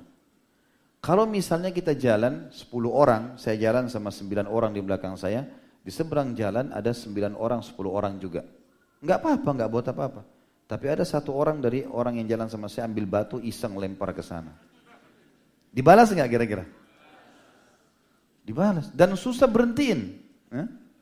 Orang kalau tawuran, satu saja lempar, udah selesai. Susah, butuh waktu. Pasti ada korban. Kan gitu. Sekarang Muawiyah tidak niat berperang, baru mau negosiasi. Hasan lihat sudah terbentuk pasukan di belakangnya. Pasukan ini satu orang saja takbir atau lempar panah, habis ceritanya. Kan ribut, muslimin korban gitu kan. Apa kata Hasan? Waktu pas ketemu Muawiyah, saya memberikan kekuasaan pada Muhai Muawiyah. Tidak ada peperangan sama sekali. Muawiyah belum menyampaikan maksudnya. Maksud datang ini sebenarnya bukan masalah kekuasaan. Memang mau dengar kenapa jadi kekuasaan. Tapi tiba-tiba jadi silahkan ambil kekuasaan. Enggak usah saya jadi kekuasaan. Bahasa lain, kau lebih tua, lebih faham pemimpinan. Ambillah. Muawiyah mengatakan baiklah kalau itu keputusannya. Selesai, selesai. Maka dikenal pada saat itu dengan amul jam'i tahun persatuan umat Islam. Gak ada masalah, gak ada yang ribut. Makanya orang-orang Syiah membenci Hasan, padahal itu cucu Nabi Shallallahu Alaihi Wasallam. Makanya di sini terbukti kebohongan mereka dalam masalah mencintai ahli bait. Ahli sunnah wal jamaah betul-betul mencintai ahli bait. Hasan mereka benci, kenapa Hasan tidak melawan Muawiyah? Kenapa enggak perang? Kenapa mengalah? Kenapa begini? Sementara Hussein keluar sampai terbunuh. Itu pun ada histori sendiri. Kita juga punya sejarahnya masalah Hussein radhiyallahu anhu majma'in gitu kan. Dan hari sunnah wal jamaah meyakini semuanya itu terjadi dengan hikmah Allah subhanahu wa ta'ala. Dan yang luar biasa teman-teman, salah satu keturunan Nabi SAW yang bernama Muhammad bin Idris, Imam Syafi'i rahimahullah. Beliau punya wasiat yang luar biasa. Saya selalu pegangi ini perkataan yang mulia. Dari Quraisy dari turunan Nabi SAW dan ulama besar umat Islam. Maka beliau pernah ditanya, oleh sebagian orang sengaja datang ke majelis beliau lalu bertanya, "Wahai imam, Imam Syafi'i dia dipanggil imam, kalau kita kiai guru gitu. Wahai imam, bagaimana pendapat Anda dengan yang terjadi antara Muawiyah dengan Aisyah dalam perang unta dan bagaimana pendapat yang terjadi antara Muawiyah sama antara Ali dengan Muawiyah di Siffin?" Mereka mau dengar pendapat Imam Syafi'i apa, lalu mereka mau sebarin nih ceritanya. Kalau Imam Syafi'i bilang, oh Muawiyah yang salah, nah disebarin. Oh Ali yang salah disebarin. Memang tujuannya mau mengacuin umat Islam nih. Ada kelompok-kelompok begitu subhanallah. Datang di majelis ilmu, datang di tengah muslimin, mau ngacuin saja. Gitu kan. Ciri-cirinya ada. Ada saja caranya untuk mengacaukan semuanya. Ya jelas teman-teman sekalian, Imam Syafi'i membaca ayat sambil mengatakan dan ini dua kali terulang dalam surah Al-Baqarah. Ayat 134 dan ayat 141. Kalau saya tidak salah ini disebutkan Dua kali Allah sebutkan. Setelah Allah ceritakan tentang Ibrahim, Ismail, Ishak, nabi-nabi dari Bani Israel, Allah mengatakan, A'udzu billahi minasyaitonir rajim. Tilka ummatun qad khalat. Itu umat-umat yang sudah berlalu. Laha ma kasabat walakum ma kasabtum. Mereka sudah dapat apa yang mereka dapatkan sebagai hasil dari perbuatan mereka. Walakum makasabtum dan kalian juga akan mendapatkan hasil dari perbuatan kalian. Kalian wala tus'aluna amma kanu ya'malun. Jangan pernah nanya-nanya lagi kenapa apa yang mereka lakukan. Ini perkataan Imam Syafi'i Allah bijak sekali. Artinya siapa yang benar, Muawiyah, Ali, hukum yang terbunuh itu umat yang telah berlalu. Yang salah dihukum Allah, yang benar juga akan dikasih balasan. Dan kita juga ini akan dihisap sama Allah kita juga akan dihisap. Maka harus kita jaga diri kita sendiri. Dan Allah bilang, tidak usah tanya-tanya lagi apa yang mereka lakukan. Sudah selesai. Ambil pelajaran saja. Dan ini kalimat yang sangat bijak. Seorang salafus soleh yang lain berkata, kalimat yang luar biasa bijaknya. Mereka mengatakan, sungguh kita harus bersyukur kepada Allah karena Allah telah menyelamatkan pedang-pedang kita di zaman itu. Bayangkan ikhwan dan khawat sekalian kalau kita hidup di zaman Sifain. Kita mau ikut siapa? Pasukan Muawiyah kah? pasukan Ali kah? Dua-duanya sahabat Nabi. Gitu kan. Tidak ada yang pungkiri Ali bin Abi Thalib lebih afdal daripada Muawiyah. Lebih dulu masuk Islam dan seterusnya, gitu kan. Tapi dua sahabat Nabi. Di pasukannya Ali ada sahabat Nabi, di pasukannya Muawiyah ada sahabat Nabi. Kata beliau, kata mereka ini perkataan mulia. Salah satu ulama tabi'in saya lupa namanya, tapi perkataan dia mulia sekali. Dia mengatakan, kita harus bersyukur Allah telah menyelamatkan pedang-pedang kita pada saat itu. Kita nggak hidup sama itu. Kenapa sekarang kita hidup ikutkan lisan kita untuk berperang? Mereka sudah meninggal. Sekarang lisan kita juga berantem. Muawiyah yang salah, Ali yang salah. Ribut dengan itu. Karena tidak ada gunanya. Allah sudah selamatkan pedang kita dulu ya sudah. Kembali kepada perkataan Imam Syafi'i, tilka ummatun qad khalat, itu umat telah berlalu. Laha ma kasabat walakum ma kasabtum wala tusaluna ma kanu ya'malun. Itu paling baik dan bijak, gitu kan?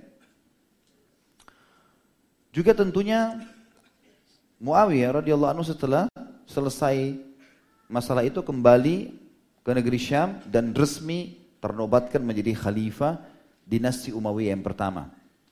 Dan untuk mendirikan sebuah kerajaan besar teman-teman, berkuasa dari tahun 40 Hijriah sampai 132 Hijriah, ini nggak gampang. Berkuasa. Dan di zaman kerajaan dinasti Umayyah ini ada tercatat dalam sejarah dari sekian banyak khalifahnya, itu ada lima khalifah yang punya sejarah emas. Ya. Muawiyah, kemudian uh, Abdul Malik bin Marwan, Sulaiman bin Abdul Malik, uh, Umar bin Abdul Aziz. Ya. Ada banyak yang punya pengaruh-pengaruh besar histori dalam sejarah Islam, dalam histori Islam, dalam jihad. Dan di zaman Umayyah inilah lahir ulama-ulama besar. Gitu kan? Ada Imam Malik, Imam Syafi'i, Imam Ahmad, Imam Abu Hanifah. Di zaman ini. Di zaman dinasti Umayyah ini. Generasi yang sudah Nabi SAW katakan sebaik-baik generasi-generasiku para sahabat dan generasi sesudahku. Dinasti Umayyah itu. Dan dinasti yang dan dan generasi yang sudahnya dinasti Abbasiyah disebutkan itu.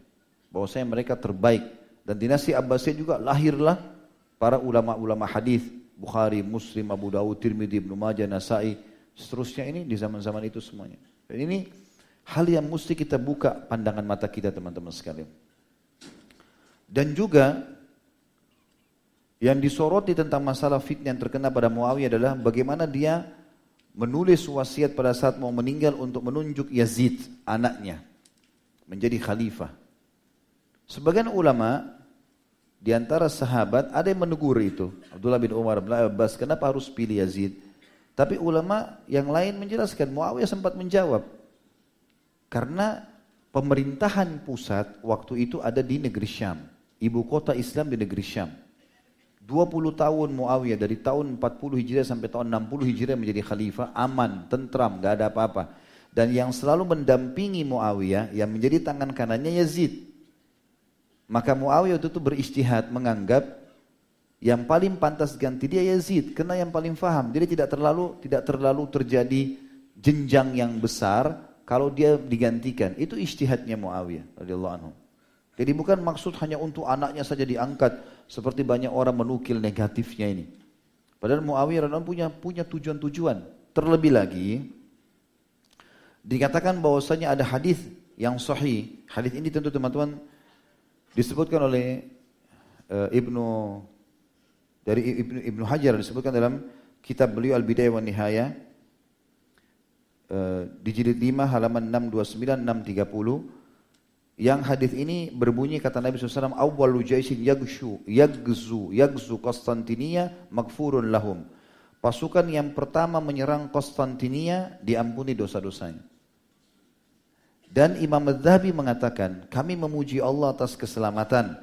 Dia telah menghidupkan kita di zaman di mana kebenaran telah diketahui. Kita jadi tahu, oh siapa yang benar, siapa yang salah, bagaimana sejarahnya. Kayak sekarang teman-teman dengar dari saya ini. Apa yang terjadi pada kedua kubu telah terbuka dengan jelas dan kita mengetahui alasan masing-masing kubu. Kita menyadari, maka kita memaklumi, memohon ampun dan mencintai secara berimbang. Kami memohon kepada Allah semoga dia berkenan merahmati para uh, pemberontak dengan takwil. Maksudnya di sini terjemahan pemberontak kurang tepat ya. dengan pasukan pada saat itu Muawiyah yang meminta atau mentakwilkan ya, atau menanyakan tentang masalah kenapa uh, Utsman bin Affan tidak ditangkap pembunuhnya. Dan juga kami kalaupun itu salah memohon ampun untuknya. Kami berkata seperti yang diajarkan oleh Allah Tuhan kami dalam surah Al-Hasyr ayat 10. A'udzu billahi minasyaitonir rajim. Rabbana ighfir lana wa li ikhwani alladziina sabaquna bil iman. wa la taj'al fi qulubina ghillan lil amanu. Wahai Rabb kami, ampunilah kami dan saudara-saudara kami yang telah beriman sebelum kami. Dan janganlah engkau jadikan dalam hati kami kebencian kepada orang-orang yang beriman. Kami juga menyatakan semoga Allah meridhai para sahabat yang tidak terlibat dalam salah satu dari dua kelompok tersebut seperti Sa'ad bin Abi Waqqas, Abdullah bin Umar, Muhammad bin Maslamah, Sa'id bin Zaid dan beberapa sahabat Nabi yang lain. Kami berlepas diri dari Khawarij, para pembelok yang telah memerangi Ali dan juga mengkafirkan kedua kelompok. Khawarij mengkafirkan Ali, mengkafirkan Muawiyah. Khawarij adalah anjing-anjing neraka, kata Imam Az-Zahabi ini ya mereka membelok dari agama sekalipun begitu kami tidak memastikan mereka kekal dalam api neraka seperti kami memastikan untuk para penyembah berhala dan kaum salim. Ya. Ini disebutkan dalam siar alam nubala jadi 3 halaman 128. Maksudnya Imam Adzabi mengatakan kami yakin khawarij kelompok yang pendosa besar. Tapi kami tidak yakin, kami belum mengatakan mereka akan kekal di api neraka seperti orang kafir. Maksudnya kami tidak mengkafirkan khawarij itu. Tapi kami mengatakan mereka akan disiksa di neraka. Beda dengan keyakinan kami terhadap penyembah berhala dan juga para penyembah salib. Karena itu jelas mereka menyembah ya, berhala-berhala tersebut. Az-Zahabi juga rahimahullah mengatakan menanggapi fitnah yang terjadi antara Ali dan Muawiyah radhiyallahu anhu dia berkata, jalan kami adalah menahan diri dan memohon ampunan kepada Allah untuk para sahabat. Kami tidak menyukai perselisihan di antara mereka dan kami berlindung kepada Allah darinya serta kami mencintai Amir Mukminin Ali bin Abi Thalib. Artinya kami cintai semua, kami yakin dan kami akui khilafahnya Ali sebagaimana Muawiyah meyakini masalah itu. Az-Zahabi juga berkata tentang Muawiyah radhiyallahu anhu, dia termasuk raja terbaik di mana keadilan mereka e, mendominasi kezaliman mereka. Sekalipun dia tidak selamat dari hal-hal yang mengundang kritikan dan semoga Allah memaafkan semua itu. Dalam Syiar Alam Nubala jilid 3 halaman 39. Tentu ini semua adalah uh, kronologis kisah yang kita sampaikan. Nanti kita akan masuk ke bahasan kita masalah keutamaan atau manakib Muawiyah. Kita akan lengkapkan apa yang kita jelaskan tadi. Berikut juga kita akan masuk insya Allah ke Ad-Durus wal Ibar. Muawiyah pada saat berbaring di ranjang kematiannya, dinukil dari Muhammad bin Sirin rahimahullah, seorang ulama tabi'in masyhur. Ketika ajal hendak menjemput Muawiyah, dia meletakkan pipinya di tanah Kemudian dia membalik wajahnya ya, dan meletakkan pipinya yang lain sementara dia menangis dan berkata artinya dia letakkan tidur di tanah, pipi kanannya kena tanah, kemudian dia balik lagi, pipi kirinya juga kena tanah. Lalu dia berkata, Ya Allah, sesungguhnya engkau telah berfirman dalam kitabmu, A'udhu billahi minasyaitan rajim, Inna Allah la yakfiru ayyushraka bihi wa yakfiru maduna dzalika liman yasha. Sesungguhnya Allah tidak mengampuni dosa-dosa mempersekutukan atau syirik kepadanya dan dia mengampuni dosa yang selain syirik itu bagi siapa yang dia kehendaki. Dalam surah An-Nisa ayat 48. Maka dia mengatakan setelah baca firman Allah ini, Ya Allah, masukkanlah aku ke dalam mereka yang engkau kehendaki untuk engkau ampuni. Ini disebutkan dalam Bidayah wa Nihaya di jilid 5 halaman 647. Dari Ibn Abbas radhiyallahu anhu dia berkata, manakala ajal datang kepada Muawiyah, dia berkata, aku pernah bersama Rasulullah SAW di Bukit Safa. Aku mengambil ujung anak panah yang tajam, lalu aku mengambil atau memotong sebagian dari rambut beliau. Ia sekarang ada di tempat ini dan tempat ini. Jika aku mati, ambillah rambut tersebut dan sumpallah ia ke mulut dan hidungku. Ini disebutkan rawi-rawinya thikoh atau terpercaya Dan ini juga uh, pemotongan rambut Nabi SAW oleh Muawiyah pada saat lagi di sofa setelah selesai yang melakukan sa'inya diriwayatkan secara sahih oleh Imam Bukhari jadi 3 halaman 448, 449 dan Imam Muslim di nomor hadis 1246. Dan ini juga menandakan bahwasanya Muawiyah sangat dekat dengan Nabi Shallallahu Alaihi Wasallam karena beliau tidak sembarangan menyuruh sahabat untuk memotong rambutnya. Ya. Kemudian riwayat yang lain dikatakan dari Abu Ala bin Maimun bin Mihran dari ayahnya bahwa Muawiyah berwasiat pada saat akan meninggal. Dia mengatakan aku membantu Rasulullah SAW berwudu lalu beliau melepaskan bajunya dan memberikannya kepadaku. Lalu aku mengangkatnya dan aku menyimpan sisa potongan kuku beliau. Jika aku mati, pakaikanlah pakaian tersebut pada kulitku dan tumpukanlah potongan kuku itu eh, lalu letakkan di mataku. Semoga Allah merahmatiku karena keberkahannya. Ini disebutkan dalam Tarikhul Islam di jilid 2 halaman 323. Kalau ada yang bertanya, apa memang ini betul terjadi? Jawabannya iya. Tapi ini terjadi hanya untuk pada untuk atau dari Nabi alaihi salatu wassalam. Memang sahabat mengambil sisa air wudhu beliau, menyimpan sisa rambutnya, itu sering terjadi. Dan itu tidak asing kalau dari Nabi Shallallahu Alaihi Wasallam, tapi tidak dinukil sahabat melakukan kepada sahabat yang lain. Seperti itu Abu Abu Bakar meninggal atau Umar meninggal, tidak pernah ada dinukil disimpan rambutnya atau diambil pakainya tidak pernah. Tapi dari Nabi SAW ini sering terjadi. Tapi ini sahabat faham kalau itu khusus untuk Nabi Shallallahu Alaihi Wasallam. Jelas ini? Cuma tiga orang yang faham. Baik, Abu Amr bin Ala berkata, manakala ajal menjemput Muawiyah, seseorang berkata kepadanya, mengapa engkau tidak berwasiat? Maka dia berkata, ya Allah maafkanlah kekeliruan, ampunilah kesalahan, maklumilah dengan kemurahanmu kebodohan orang yang tidak berharap selainmu, tidak ada tempat berlari di belakangmu. Lalu dia berkata, ini adalah kematian. Tidak ada keselamatan dari kematian dan apa yang kita takutkan setelah kematian lebih buruk daripada lebih buruk dan lebih menakutkan. Jadi artinya ini wasiat saya.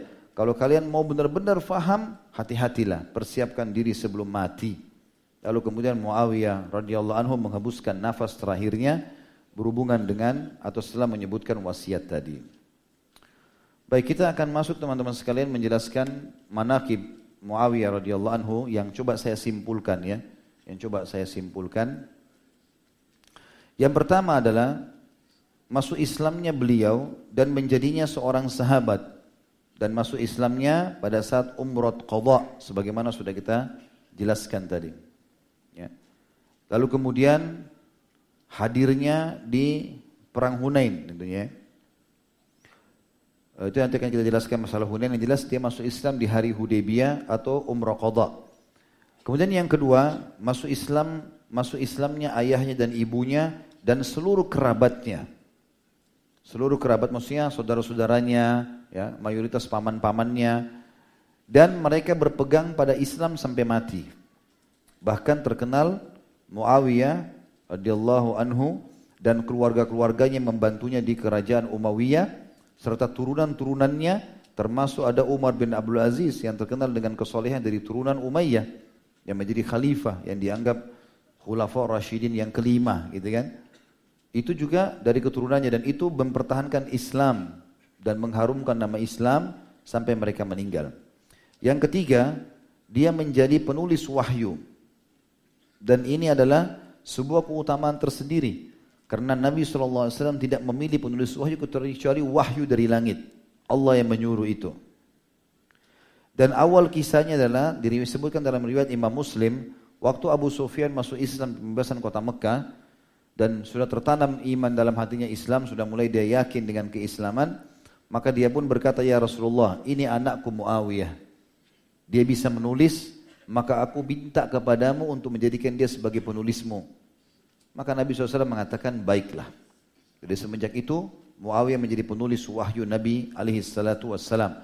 Dan tentu dari sini juga kita bisa tahu kalau Muawiyah punya andil dalam Al-Quran sampai menjelang hari kiamat. Walaupun kita tidak, saya tidak menemukan dia menulis ayat yang mana di surah berapa, Allahu alam. Itu. itu belum saya temukan sama sekali dan termasuk buku yang saya anggap lengkap pun ini, setahu saya belum menulis dia nulis dari ayat keberapa ke ayat berapa gitu, atau di surah mana gitu. Itu yang ketiga, menjadi penulis wahyu. Yang keempat, dia menjadi ipar Nabi Shallallahu Alaihi Wasallam. Ini juga sebuah karunia. Berarti terjalin lagi hubungan kekerabatan yang lebih dekat. Karena Nabi SAW menikah dengan saudarinya bernama Ummu Habibah radhiyallahu anhum ajma'in. Yang kelima, Nabi SAW mendoakan secara khusus dengan doa-doa yang mulia. Seperti tadi yang sudah kita sebutkan hadis yang sahih atau hasan sahih diriwayatkan oleh Tirmidzi. Yang kata Nabi SAW, Allah maj'alhu hadiyam mahdiya, wahdihi wahdi bihi. Ya Allah jadikanlah dia sebagai petunjuk dan menjadi petunjuk bagi orang lain dan berilah ia hidayah dan juga semoga dia menjadi penyebab hidayah orang lain. Juga doa Nabi SAW yang tadi hadis sahih riwayat Imam Ahmad yang kata Nabi SAW Allah ma'allim Muawiyah al-kitab wal hisab wa kihil azab. Ya Allah ajarkanlah Muawiyah menulis dan hisab, hitung-hitungan serta selamatkan dia dari segala jenis siksaan. Yang keenam, Nabi SAW telah menetapkan kalau dia akan jadi pemimpin. Ya. Artinya akan menjadi seorang pemimpin umat. Makanya Nabi SAW wasiatkan kepada beliau dalam hadis yang dihasilkan para ulama lewat Imam Ahmad sudah kita sebutkan tadi. Waktu Nabi SAW melihat di depan rumah dia sudah tunggu dengan penanya dan kulit yang dia pakai untuk nulis wahyu. Lalu Nabi SAW pandang wajahnya sambil mengatakan, Wahai Muawiyah, in wallaita amran fattakillaha wa'dil. Kalau nanti satu waktu kau jadi pemimpin dan kalau Nabi bicara begini bukan tebakan, ini wahyu. Berarti kau akan jadi pemimpin. Beda dengan kalau kita bilang kepada anak kita misalnya teman kita nanti kalau kamu berhasil itu kita manusia biasa bisa salah. Tapi kalau Nabi SAW menyampaikan ini wahyu. Kalau kau jadi pemimpin satu waktu, maka bertakwalah kepada Allah dan berlaku adillah. Dan ini juga bukan hal negatif tapi positif. Karena Nabi Alaihissalam memastikan dia akan jadi pemimpin. Seperti itulah. Kemudian yang keenam, yang ketujuh maaf, dia mengikuti peperangan setelah pembebasan kota Mekah, perang Hunain, kemudian perang Tabuk. Ya. Sementara perang Hunain adalah perang yang paling bersejarah setelah perang Badr. Kenapa? Karena perang Badar turun malaikat dan tidak turun malaikat lagi kecuali di perang Hunain. Dan dianggap perang bersejarah, ya, perang bersejarah. Dan memang karena itu maka pasukan muslimin makin kuat di perang Hunain setelah mengalahkan 12.000 pasukan di mana Nabi SAW memenangkan peperangan pada saat itu. Dan kita tahu juga Allah Subhanahu wa taala menurunkan firman-Nya dalam surah At-Taubah tadi surah nomor 9 ayat 26, A'udzu billahi rajim. Ala rasulihi wa ala al-mu'minina wa anzala junudan lam tarawha wa 'adzaba alladhina kafaru wa dzalika jazaa'ul kafirin. Dan Allah turunkan di Hunain itu ketenangan terhadap nabinya dan terhadap orang-orang yang bersamanya Waktu itu bersama Nabi SAW 100 orang, di antaranya Muawiyah bin Abi Sufyan. Jadi ayat ini masuk beliau di antaranya. Ya. Dan Allah menurunkan tentara yang tidak kalian lihat dan Allah menyiksa dengan tentara-tentara itu maksudnya para malaikat orang-orang kafir. Begitulah kami membalas orang-orang kafir. Juga turun firman Allah Subhanahu wa taala dalam surah Al-Hadid. Surah nomor 57 ayat 10 yang bunyinya A'udzu billahi minasyaitonir rajim وما لكم ألا تنفقوا في سبيل الله ولله ولله ميراث السماوات والأرض لا يستوي منكم من أنفق من قبل الفتح وقاتل أولئك أعظم درجة من الذين أنفقوا من بعد وقاتلوا وكلا وعد الله الحسنى والله بما تعملون خبير. Yang artinya Kenapa kalian tidak menginfakkan harta kalian di jalan Allah sementara Allah yang mewariskan seluruh langit dan bumi, maksudnya pemiliknya dan bisa memberikan kepada siapa yang dia kehendaki. Dan tidak akan sama kedudukannya orang-orang yang berinfak sebelum pembebasan kota Mekah dan berperang, mereka lebih besar pahalanya, ya derajatnya lebih tinggi daripada orang-orang yang berinfak setelah pembebasan kota Mekah dan berperang. Dan semuanya dijanjikan oleh Allah surga dan Allah sangat eh, Allah akan mem memberitahukan apa yang kalian kerjakan. Di sini kata para ulama, Muawiyah bisa masuk salah satu dari dua kelompok ini. Karena dua-duanya janjikan surga. Kelompok yang berinfak dan berperang sebelum pembebasan kota Mekah. Karena dia beriman di kesepakatan Hudaybiyah, di Umrah Qadha. Jadi dia bisa masuk kelompok yang pertama ini. Atau dia masuk di kelompok kedua yaitu orang yang berinfak dan berjihad setelah pembebasan kota Mekah. Walaupun yang sebelumnya lebih tinggi derajatnya. Tapi Allah mengatakan wa kullan wa'adallahu husna. Semua Allah janjikan dua-duanya surga. Ya. Yang kedelapan, Rasulullah SAW menjamin baginya surga. Menjamin bagi Muawiyah radhiyallahu anhu surga. Dan ini luar biasa ini. Dari mana kita ketahui itu? Dalam hadis Bukhari, Nabi SAW bersabda yang bunyinya, Awwalu jaishin min ummati al bahra qad aujabu. Pasukan yang pasukan dari umatku yang pertama berperang di lautan mereka telah terwajibkan atau telah mendapatkan surga. Dan Muawiyah dicatat dalam sejarah-sejarah Islam adalah orang yang pertama membentuk pasukan lautan dan orang yang pertama dari umat Islam berperang di lautan. Dan ini dalam hadis Bukhari. Dan itu terjadi di zaman kerajaannya khilafahnya Uthman bin Affan. Berarti di sini ada kewajiban mendapatkan surga. Sementara Muawiyah bukan cuma sekedar orang yang ikut, dia yang pertama membentuk pasukan laut itu. Dalam sejarah juga disebutkan dalam keutamaan-keutamanya radhiyallahu anhu, beliau yang pertama memiliki ide untuk membuat kapal-kapal perang umat Islam yang akhirnya mengalahkan pasukan lautannya bangsa Romawi. Dan ini hadis Nabi SAW, riwayat Bukhari. Pasukan dari umatku yang pertama berperang di lautan telah diwajibkan atas mereka surga. Gitu. Kemudian yang kesembilan, Nabi SAW menjamin untuknya dan untuk anaknya Yazid pengampunan dosa. Jadi bukan cuma Muawiyah, anaknya pun yang banyak difitnah Yazid, Yazid difitnah, itu juga telah diampuni atau didoakan ampunan oleh Nabi SAW, bahkan dijamin pengampunan. Dari mana? Disebutkan dalam kitab Bidayah wa Nihayah di jilid 5, halaman 629 sampai 630, ada hadis yang dinukil situ oleh Ibnu Kathir rahimahullah. Ya, tadi saya keliru menyebutkan uh, Ibnu Hajar ya pemilik buku ini maka Nabi SAW bersabda, "Awwalu jaishin yagzu yagzul yagzul Konstantinia magfurun lahum." Pasukan yang pertama memerangi Konstantinopel maka akan diampuni dosa-dosanya. Dan uniknya dari zaman Nabi SAW sampai zamannya Ali bin Abi Thalib belum pernah ada pasukan Muslim yang menyerang Konstantinopel. Pertama kali diserang Konstantinopel itu wilayahnya Turki bagian Eropa yang nanti akhirnya takluk di zaman Muhammad Al-Fatih. Lama setelah itu tahun 1453 Masehi. Tapi yang pertama memerangi Konstantinopel itu pasukannya Muawiyah yang dipimpin oleh Yazid, anaknya.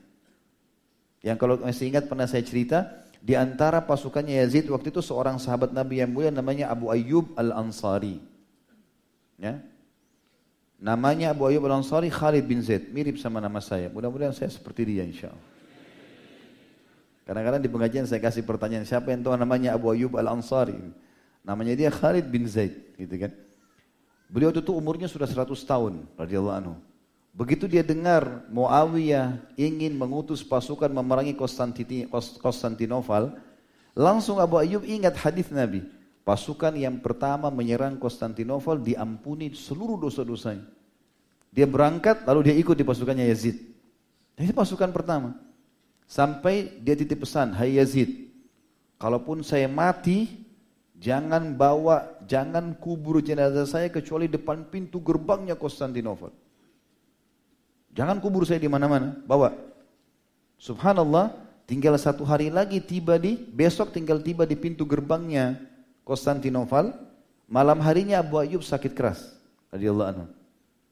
Maka dia titip pesan, dipanggil lagi Yazid. Hai Yazid, ingat wasiat saya. Kalau saya pun mati malam ini, jangan kubur saya kecuali di sana. Di pintu gerbangnya mereka. Bawa, kalah atau menang, kubur saya di sana. Kata Yazid, baiklah. Meninggal. Abu Ayyub al-Ansari di pasukan itu. Subhanallah, itu dia meninggal. Habis disolati segala macam di kafani. Besok pagi, waktu pasukan lagi jalan mau ke benteng Konstantinopel ini, dipikul jenazahnya Abu Ayyub. Rupanya ada mata-matanya Romawi keluar pakai pakai baju bajunya umat Islam, bisa bahasa Arab berbaur. Dia lihat jenazahnya Abu Ayyub. Dia tanya umat Islam itu, itu siapa itu? Kok jenazah dibawa-bawa? Dia bilang apa? Yang si muslim ini jawab polos, dia pikir ini muslim juga. Masa kau tidak tahu itu Abu Ayyub Al-Ansari, sahabat Nabi. Loh, terus kenapa jenazah dibawa-bawa? Dia nggak mau dikubur kecuali di pintu gerbangnya Konstantinopel. Mata-mata ini pulang lapor sama Romawi. Kita kayaknya nggak bisa lawan ini. Jangankan orang hidupnya, orang matinya aja mau berperang. Itu terjadi di pasukannya Muawiyah dan Yazid itu. Kisahnya masyhur sekali. Itu kan? Sampai Muhammad Al-Fatih rahimahullah di tahun 1453 untuk mengepung Konstantinopel, dia sempat putus asa karena sudah mengepung sekian puluh hari. Meriam sudah banyak, pasukan banyak yang jenuh. Lalu kemudian dia mengingat di situ ada kuburannya Abu Ayyub Al-Ansari yang berjuang. Maka dia pun semangat kembali menyerang sampai menembus benteng Konstantinopel. Gitu kan? Dan yang unik di sini, hadis sahih ini menjelaskan Nabi SAW mengatakan awwalu jaishin yagzu Konstantinia magfurun lah Pasukan yang pertama menyerang Konstantinopel diampuni semua dosanya. Yang yang bentuk pasukan Muawiyah, yang pimpin Yazid. Kan gitu. Yang ke sepuluh keutamaannya beliau sendiri yang pernah dinunjuk oleh Abu Bakar radhiyallahu anhu untuk memimpin pasukan perang ke negeri Syam. Jadi waktu di akhir hidupnya Abu Bakar di tahun 13 Hijriah sebelum Umar bin Khattab dinobatkan jadi khalifah, Abu Bakar sempat mengutus pasukan ke negeri Syam untuk menyerang. Dan itu Abu Bakar menunjuk Muawiyah sebagai pimpinan perang. Dan ini satu keutamaan juga yang banyak tidak diketahui oleh kaum muslimin. Yang ke sebelas, dia telah dipilih oleh Umar bin Khattab untuk menjadi gubernur Syam. Dan kata Imam Az-Zahabi, rahimahullah sudah kita bacakan tadi perkataannya, ini sudah cukup untuk menjadi pedoman karena Umar jeli sekali dalam memilih pasukannya. Kemudian juga dikatakan di poin nomor 12, maaf. Tadi poin 11 dia menjadi gubernur negeri Syam dan Umar yang memilihnya selama 20 tahun. Yang ke-12 dia telah memimpin peperangan-peperangan di lautan di hari-hari Utsman jadi khalifah. Dan dia termasuk orang yang paling pertama dari kaum muslimin berperang di lautan. Serta dia yang pertama menyerang Konstantinopel. Disebutkan dalam kisah atau hadis sahih, saya bacakan hadis-hadis ini diriwayatkan oleh Imam Bukhari jilid 6 halaman 22. Ummu Haram binti Milhan radhiyallahu anha sahabat Nabi yang mulia berkata, saya baca langsung terjemahannya karena ini cukup panjang hadisnya. Suatu hari Nabi SAW sempat tidur di rumahku. Kemudian beliau bangun sambil tersenyum Aku pun bertanya, apa yang membuat anda tersenyum wahai Rasulullah?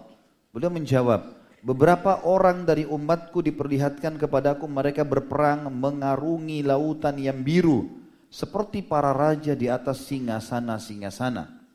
Ummu Haram lalu berkata, berkata, doakan aku kepada Allah agar menjadikanku salah satu di antara mereka ya Rasulullah. Mudah-mudahan aku sempat dapat peperangan itu, kata Ummu Haram. Maka Nabi SAW berdoa untuknya, Semoga kau termasuk di antara mereka. Dan betul Ummu Haram mencapai masa itu. Kemudian beliau tidur lagi, maka beliau melakukan itu lagi, terbangun lagi senyum. Ummu Haram lalu mengucapkan yang sama dan Nabi SAW menjawab yang sama. Maka Ummu Haram berkata lagi, doakan aku kepada Allah agar menjadikanku salah satu di antara mereka. Nabi SAW mengatakan, kamu termasuk di barisan depan.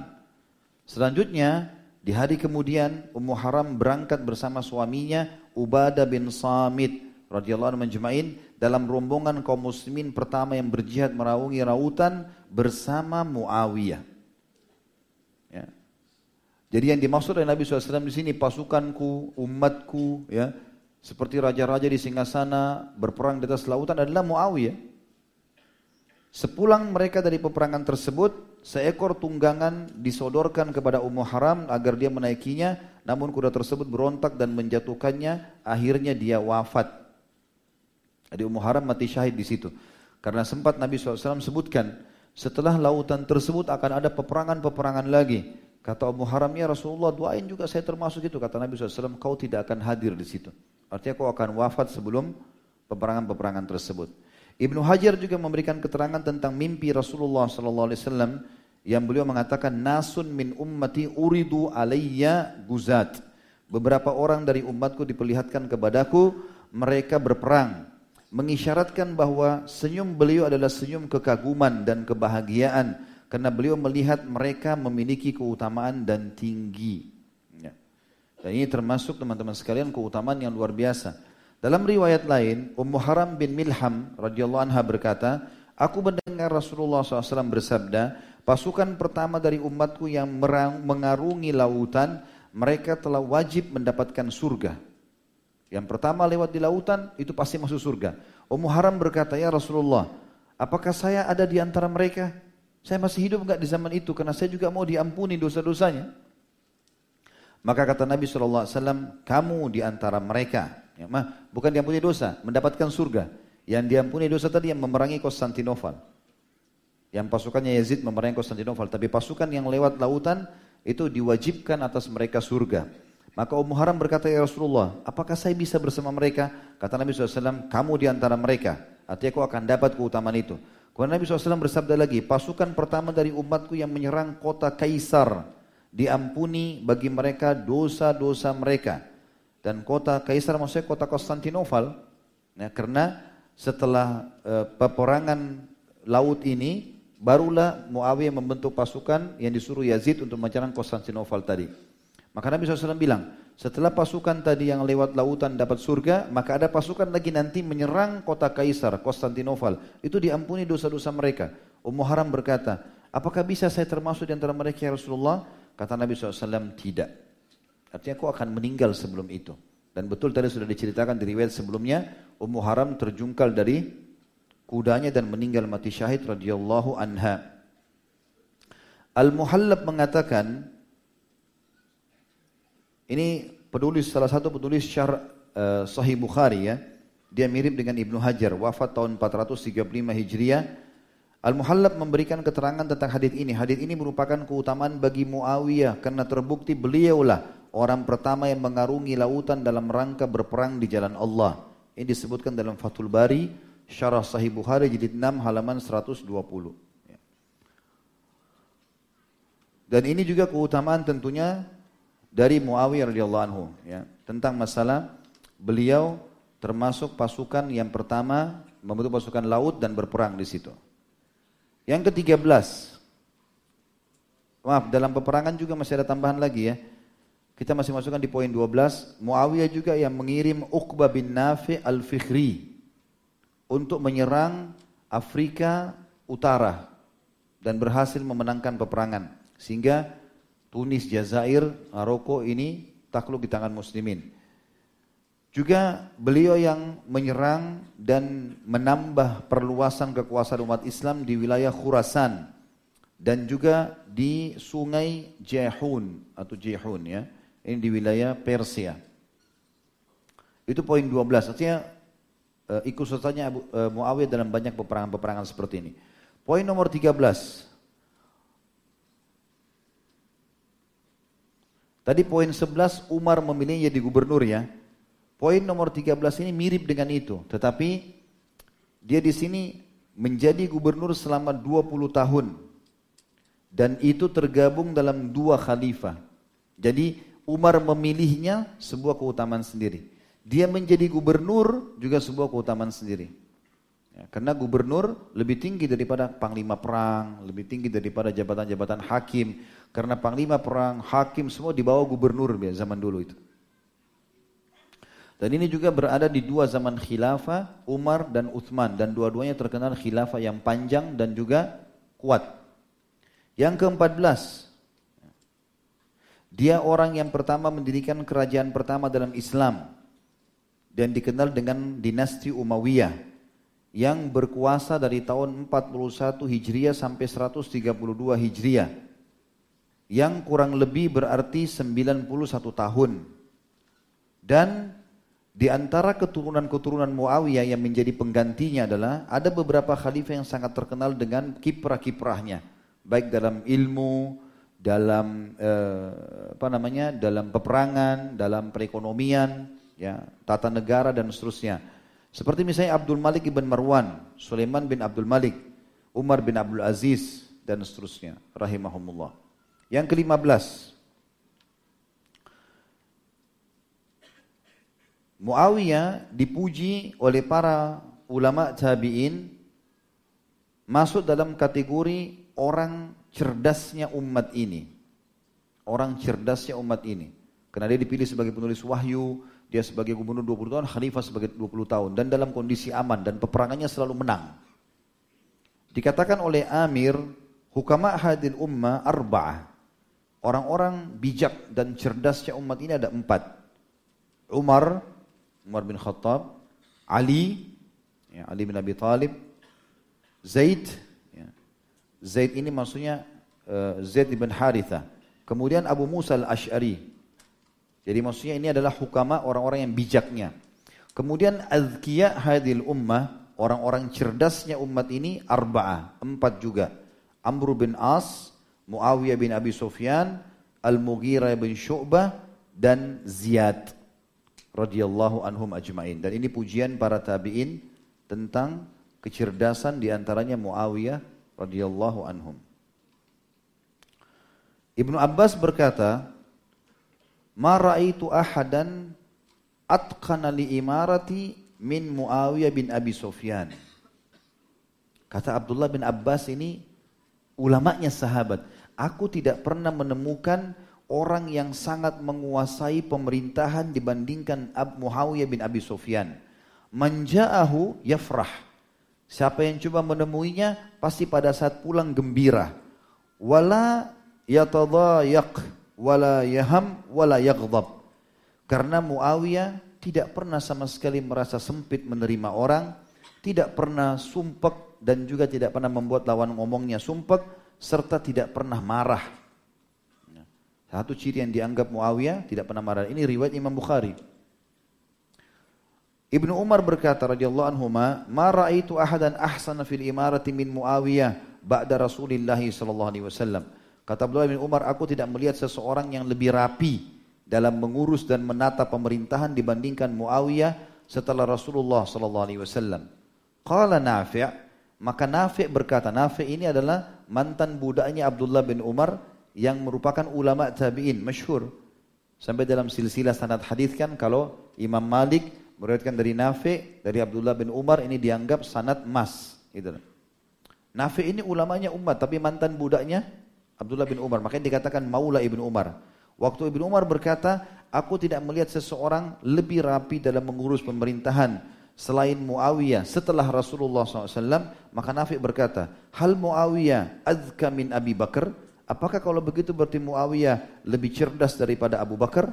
Maka kala Ibnu Umar, Ibnu berkata, Abu Bakar afdal khalqiyan. Abu Bakar tentu lebih afdal. Abu Bakar lebih afdal. Tapi saya bicara masalah penataan pemerintahan. Gitu kan? Dengan luasnya wilayah banyaknya orang. Faqala Nafi' Maka Nafi' pun berkata, Hal Muawiyah ahsan min Uthman? Apakah itu berarti Muawiyah lebih baik daripada Uthman? Faqala Ibnu Umar, rahimallahu li Utsman innahu afdal min Muawiyah walakin Muawiyah adha. Semoga Allah merahmati Utsman karena Utsman lebih afdal secara kedudukan daripada Muawiyah. Tapi secara kecerdasan Muawiyah lebih cerdas. Ini perkataan sahabat Nabi. Ini perkataan ya Abdullah bin Umar radhiyallahu anhu. Ibnu Umar juga berkata, Muawiyah telah melaksanakan tugas sebagai kepala negara dengan sebaik-baiknya memimpin dunia dengan kesempurnaan akal, kedalaman kasih sayang, keluasan jiwa, dan pengaruh kekuatan jiwa dan pikiran. Ia telah membuat muslimin ridho dengan kedermawanan dan kesantunannya. Ini yang saya susun tentang perkataan Abdullah ibn Umar radhiyallahu anhu. Poin nomor 16 atau manakib nomor 16. Pujian-pujian ulama terhadap Muawiyah. Artinya banyaknya pujian ulama tentang Muawiyah.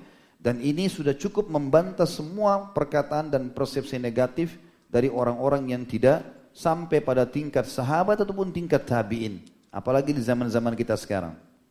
Abu Darda berkata radhiyallahu anhu, aku tidak melihat seseorang yang sholatnya paling mirip dengan Rasulullah SAW daripada pemimpin kala ini, yakni Muawiyah. Ali bin Abi Thalib juga berkata, dan ini dinukil dalam Tarikhul Islam, sudah saya bacakan tadi, jilid 2 halaman 378. Jangan membenci kepemimpinan Muawiyah, karena jika kalian kehilangan dia, niscaya kalian akan akan melihat kepala berjatuhan dari lehernya. Zuhri rahimahullah seorang ulama tabi'in pernah ditanya pada Said, pernah bertanya kepada Said ibn Musayyab, seorang gurunya tabi'in yang lebih senior tentang sahabat Rasulullah SAW. Ia berkata, ya, dengarkan wahai Zuhri, kata Said ibn Musayyab, barang siapa yang mati dalam keadaan mencintai Abu Bakar, Umar, Uthman, Ali, serta meyakini sepuluh sahabat yang dijamin masuk surga, juga memohon rahmat untuk Muawiyah, maka pasti Allah akan membebaskannya dari pertanyaan-pertanyaan saat hisab. Ini kata Sa'id bin Musayyib seorang ulama tabi'in bahkan diberikan julukan alimnya ulama dari tabi'in memuji Muawiyah di sini. Qubaisah bin Jabir berkata, belum pernah aku melihat orang yang paling besar kesantunannya, lebih banyak kemuliaannya dan lebih lembut dalam mengambil keputusan seperti Muawiyah. Ini kata tabi'in. Ini puji-pujian orang terdahulu yang hidup dekat-dekat dengan masa tabi'in. Mereka lebih mengenal siapa itu Muawiyah. Kita hanya menukil saja. Bagaimana ada orang-orang yang datang lalu membicarakan keburukan ini?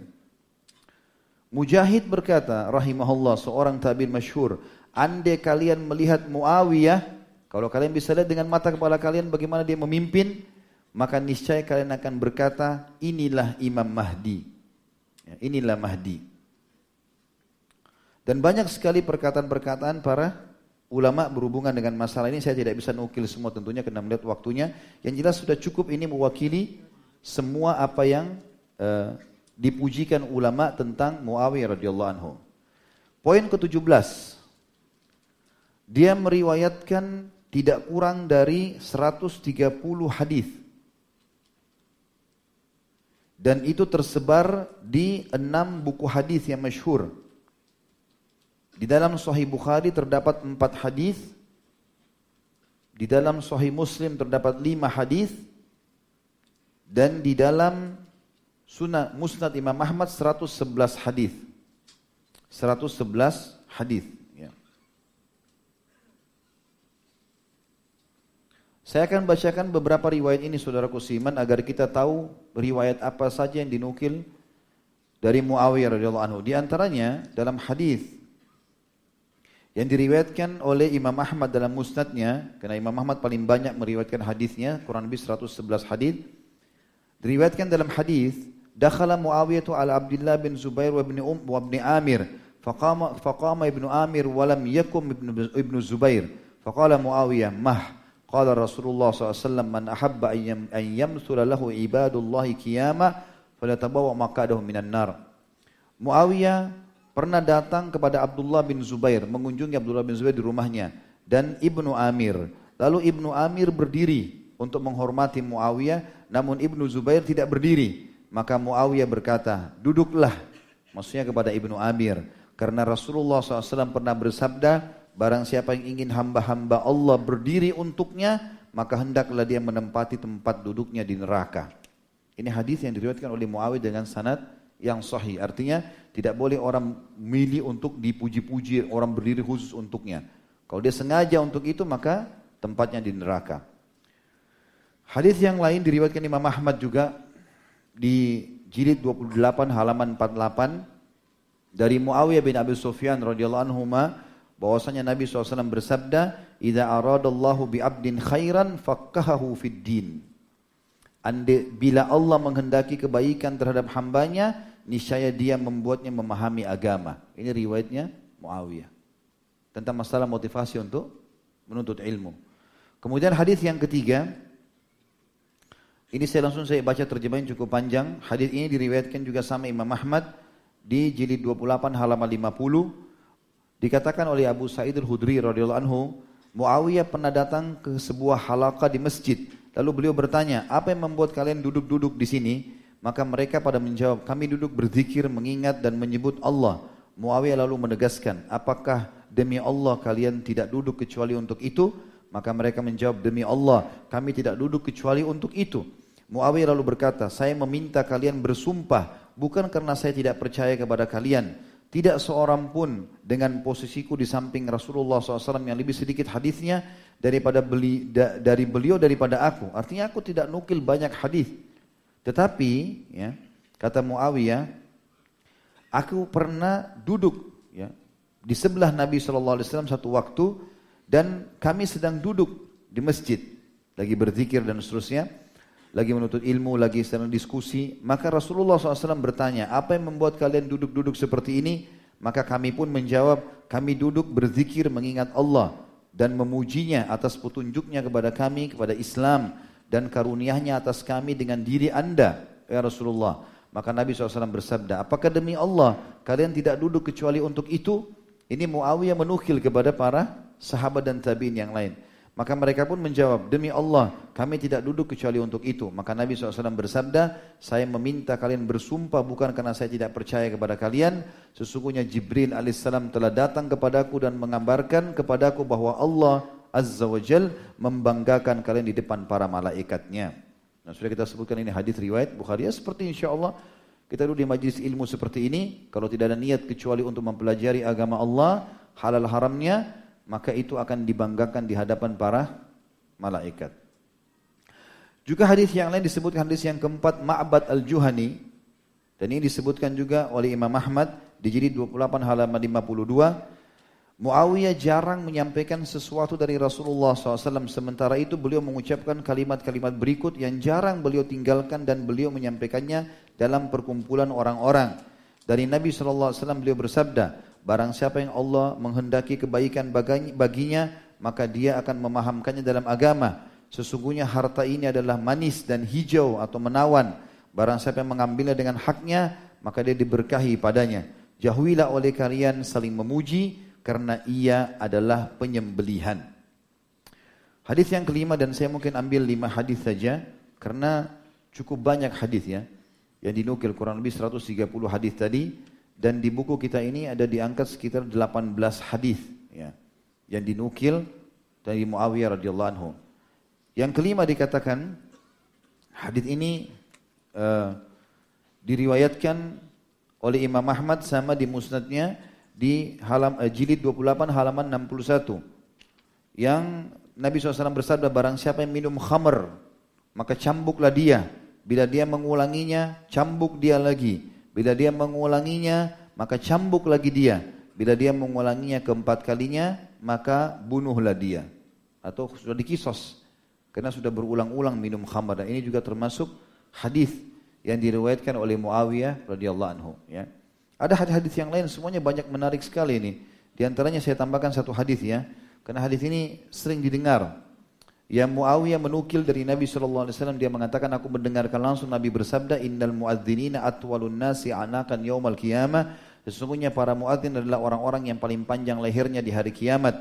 Karena kedudukan yang ditinggikan oleh Allah SWT.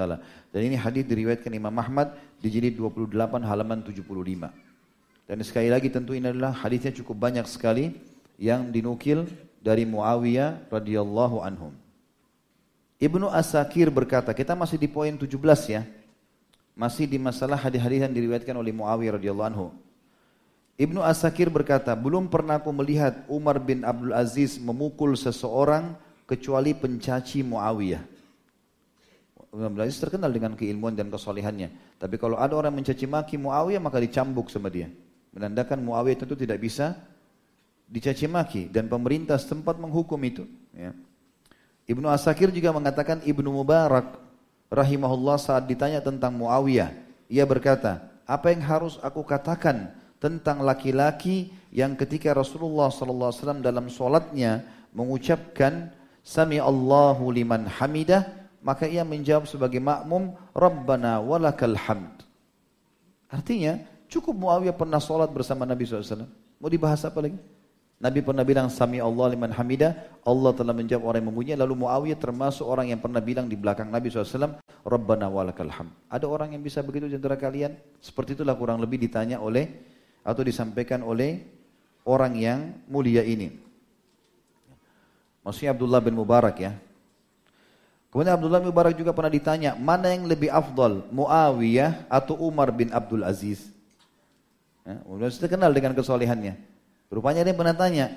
Maka Ibnu Mubarak menjawab, tentu saja sahabat Nabi jauh lebih baik dan lebih utama. Gak bisa dibandingkan. Muawiyah sahabat Nabi, Umar bin Aziz cuma seorang tabi tabiin generasi yang jauh. Walaupun dia soleh. Disebutkan juga bahwasanya Al-Mu'afi bin Imran pernah ditanya, bagaimana kedudukan Umar bin Abdul Aziz dibandingkan Muawiyah bin Abi Sufyan? Maka ia marah dengan murid-muridnya dan berkata, sahabat Nabi tidak dapat dibandingkan dengan siapa pun. Muawiyah adalah sahabat Rasulullah sallallahu alaihi wasallam, ipar beliau, penulis wahyu beliau dan orang kepercayaan beliau dalam menulis wahyu. Allah yang Maha Suci dan Maha Pemurah. Al-Fadl bin Ziyad juga ditanya tentang Muawiyah dan Amr bin As ya. Kemudian beliau mengatakan, sungguh itu hanyalah orang-orang yang mulia. Tadi itu poin berapa? 17 ya. Baik. Muawiyah, ini poin ke-18 ya. Tentang kecerdasan uh, Muawiyah. Dan kepemimpinannya selama khalifah, selama tidur dan selama khalifah. Di antara perkataan beliau adalah, aku tidak akan menggunakan pedang ketika cukup menggunakan cambuk. Dan aku tidak akan menggunakan cambuk bila cukup menggunakan lisan Sekiranya ada ikatan setipis rambut saja antara aku dengan sahabat-sahabatku atau muslimin, maka aku tidak akan membiarkannya lepas. Saat mereka menariknya dengan keras, aku akan melonggarkannya dan ketika mereka mengendorkannya, aku akan menariknya dengan keras. Artinya kalau mereka ya, berusaha memisahkan diri dengan aku, aku coba mendekatkan diri dengannya. Al-Usairi berkata, ada empat hal keutamaan khilafah Umayyah yang terlupakan. Yang pertama adalah Muawiyah radhiyallahu anhu seorang sahabat Nabi. Ia mengakui khilafah Ali dan membaiatnya walaupun setelah ijtihad. Sementara Marwan ibn, Marwan ibn Hakam khalifah keempat lapisan tabi'in yang banyak meriwayatkan hadis. Ini juga dari turunan Muawiyah. Marwan ibn Hakam adalah salah satu ulama hadis dan dia menjadi khalifah. Ini keturunannya Muawiyah dan salah satu khalifah yang terkenal. Kemudian ada Abdul Malik bin Marwan, seorang ulama Madinah. Dan ada Umar bin Abdul Aziz dikenal sebagai khalifah Rashidah yang kelima. Ini menguatkan hadis Nabi SAW, sebaik-baik generasi adalah generasiku, lalu generasi setelahku, lalu lalu generasi setelahnya, lalu generasi setelahnya. Yang kedua kelebihannya khilafah Umayyah masih di poin yang tadi 18 ini dan ini poin terakhir ya.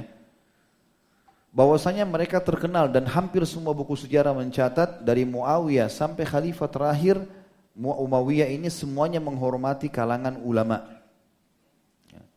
Sampai sering kali seperti Sulaiman ibn Abdul Malik, seperti juga Al-Walid ibn Abdul Malik dan yang lainnya termasuk Umar bin Abdul Aziz, walaupun mereka sudah faham agama, tapi setiap kali ada majlis mereka, mereka selalu mengatakan, datangkanlah kepada kami ulama kota ini atau negeri ini. Lalu minta dinasehati. Keutamaan yang ketiga dari dinasti Umayyah memiliki terobosan politik dan kesuksesan dalam ekspansi wilayah sampai mencapai sebagian wilayah Cina sebelah timur. Kemudian Andalusia atau Spanyol dan selatan Perancis. Yang keempat, menghidupkan tanah-tanah yang mati menjadi produktif. Kemudian mereka membentuk beberapa dewan-dewan di dalam pemerintahan yang belum pernah ada sebelumnya. Seperti ada Dewan Kharaj atau pengaturan masalah keuangan. Kalau kita sekarang mungkin Menteri Keuangan. Kemudian Dewan Korespon, uh, Korespondensi ya, atau Ar-Rasail. Ini khusus untuk mengurus surat-surat yang dikirim atas nama negara ke negara-negara yang lain. Well, Dewan Al-Khatam atau khusus mengurus stempel-stempel yang disebarluaskan di seluruh wilayah khilafah dan tidak boleh diganti ya sesuai dengan instruksi dari pemerintahan. Kemudian ada Dewan Al-Barid atau POS yang pada saat itu pertama kali dibuat sehingga ada pegawai khusus POS dan mereka jalan untuk itu. Ada Dewan Kudat atau peradilan dan ada Dewan Militer atau Al-Jundi dan pertama kali pada saat itu keping uang Islam dibuat dengan rapi dan menjadi uang dunia serta sangat terkenal dengan arsitekturnya. Ya, ini yang dinukil dari keutamaan-keutamaan itu tentunya. Izinkan saya menyampaikan teman-teman ad-durus wal ibar, saya ringkaskan poin-poinnya, kurang lebih ada delapan. Yang pertama, kedudukan sahabat. Dan bagaimana kita sebagai umat Islam mengakini sebagaimana pemahaman ahli sunnah wal jamaah, semua sahabat udul, semua sahabat terpercaya. Dan tidak boleh kita menukil ataupun mengambil riwayat-riwayat yang salah tentang mereka sehingga kita pun menjadikan mereka sebagai musuh. Karena mereka adalah orang-orang yang sudah dipilih. Dan orang-orang yang munafik yang hidup di zaman Nabi Shallallahu Alaihi Wasallam tidak dikategorikan sebagai sahabat. Misalnya ada yang mengatakan, kan Ubaidillah bin Salul, kepala munafikin juga sahabat. Hidup di zaman Nabi, hadir di masjid Nabi. Mereka tidak dikategorikan sahabat. Walaupun hidup di zaman Nabi SAW, karena mereka munafik. Definisi sahabat adalah orang yang beriman, orang yang melihat Nabi SAW dengan mata kepalanya, lalu beriman dan meninggal dalam keyakinan dan iman itu. Sementara orang munafik melihat Nabi, beriman pada Nabi tapi mereka tidak meninggal dalam keyakinan itu. Karena mereka munafik, pura-pura Islam. Itu pelajaran pertama. Yang kedua, tentu di sini masuk di dalamnya poin pertama adalah wajibnya setiap umat Islam membela Muawiyah radhiyallahu anhu sebagai sahabat Nabi dan penulis wahyu. Dan bukan mustahil mereka akan bersama dengan sahabat mulia ini di surga. Yang kedua, ya, oh itu maaf, itu tadi poin kedua ya. Wajibnya umat Islam untuk membela Muawiyah karena cinta kepada Nabi SAW, karena Nabi SAW mencintai dia. Saking cintanya sampai Nabi jadikan dia sebagai penulis wahyu. Itu pelajaran yang kedua. Pelajaran yang ketiga, kedudukan imam atau pemimpin yang adil dalam Islam. Dan Allah akan menyebarkan dengan keikhlasannya, dengan keadilannya, ketentraman di tengah-tengah wilayah kaum muslimin. Yang keempat, keutamaan penulis wahyu. Dan ini punya kedudukan sendiri. Karena cukup saja kita berikan gambaran rasional, kalau dia tulis wahyu, berarti ayat itu akan selalu ada dalam Al-Quran, dan otomatis akan dibaca, selama itu ada maka dia termasuk punya andil panen pahala dari para pembaca Al-Quran. Dan juga hukum-hukum yang diterapkan. Yang kelima, keutamaan bersodakah. Bagaimana Muawiyah tadi melunasi utangnya Aisyah radhiyallahu anha. Yang keenam keutamaan jihad di mana para sahabat tidak meninggalkan jihad. Baik itu di zaman Abu Bakar, Umar, Uthman, di zaman Uthman lalu diekspansikan dengan Muawiyah, terus bersambung di zaman Ali dan Muawiyah sendiri juga di zaman kerajaannya terus berjihad. Bahkan Muawiyah memprogramkan jihad setahun dua kali. Sekali musim dingin, sekali musim panas. Dan beliau sampai membuat pasukan laut yang pertama.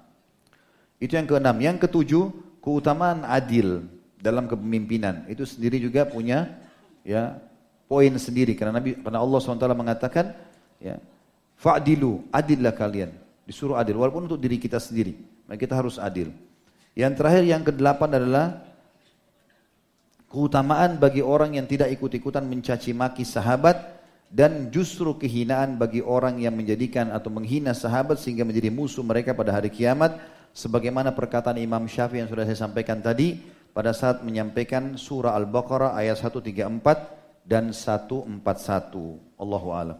Ini bahasan kita insyaallah mudah-mudahan bisa diambil pelajaran dan mudah-mudahan kita bisa ambil pelajaran dari apa yang kita bahas hari ini dan dijadikan sebagai tambahan amal kita pada hari kiamat. Subhanakallahumma bihamdika asyhadu an la ilaha illa anta astaghfiruka wa atubu ilaik. Wassalamualaikum warahmatullahi wabarakatuh.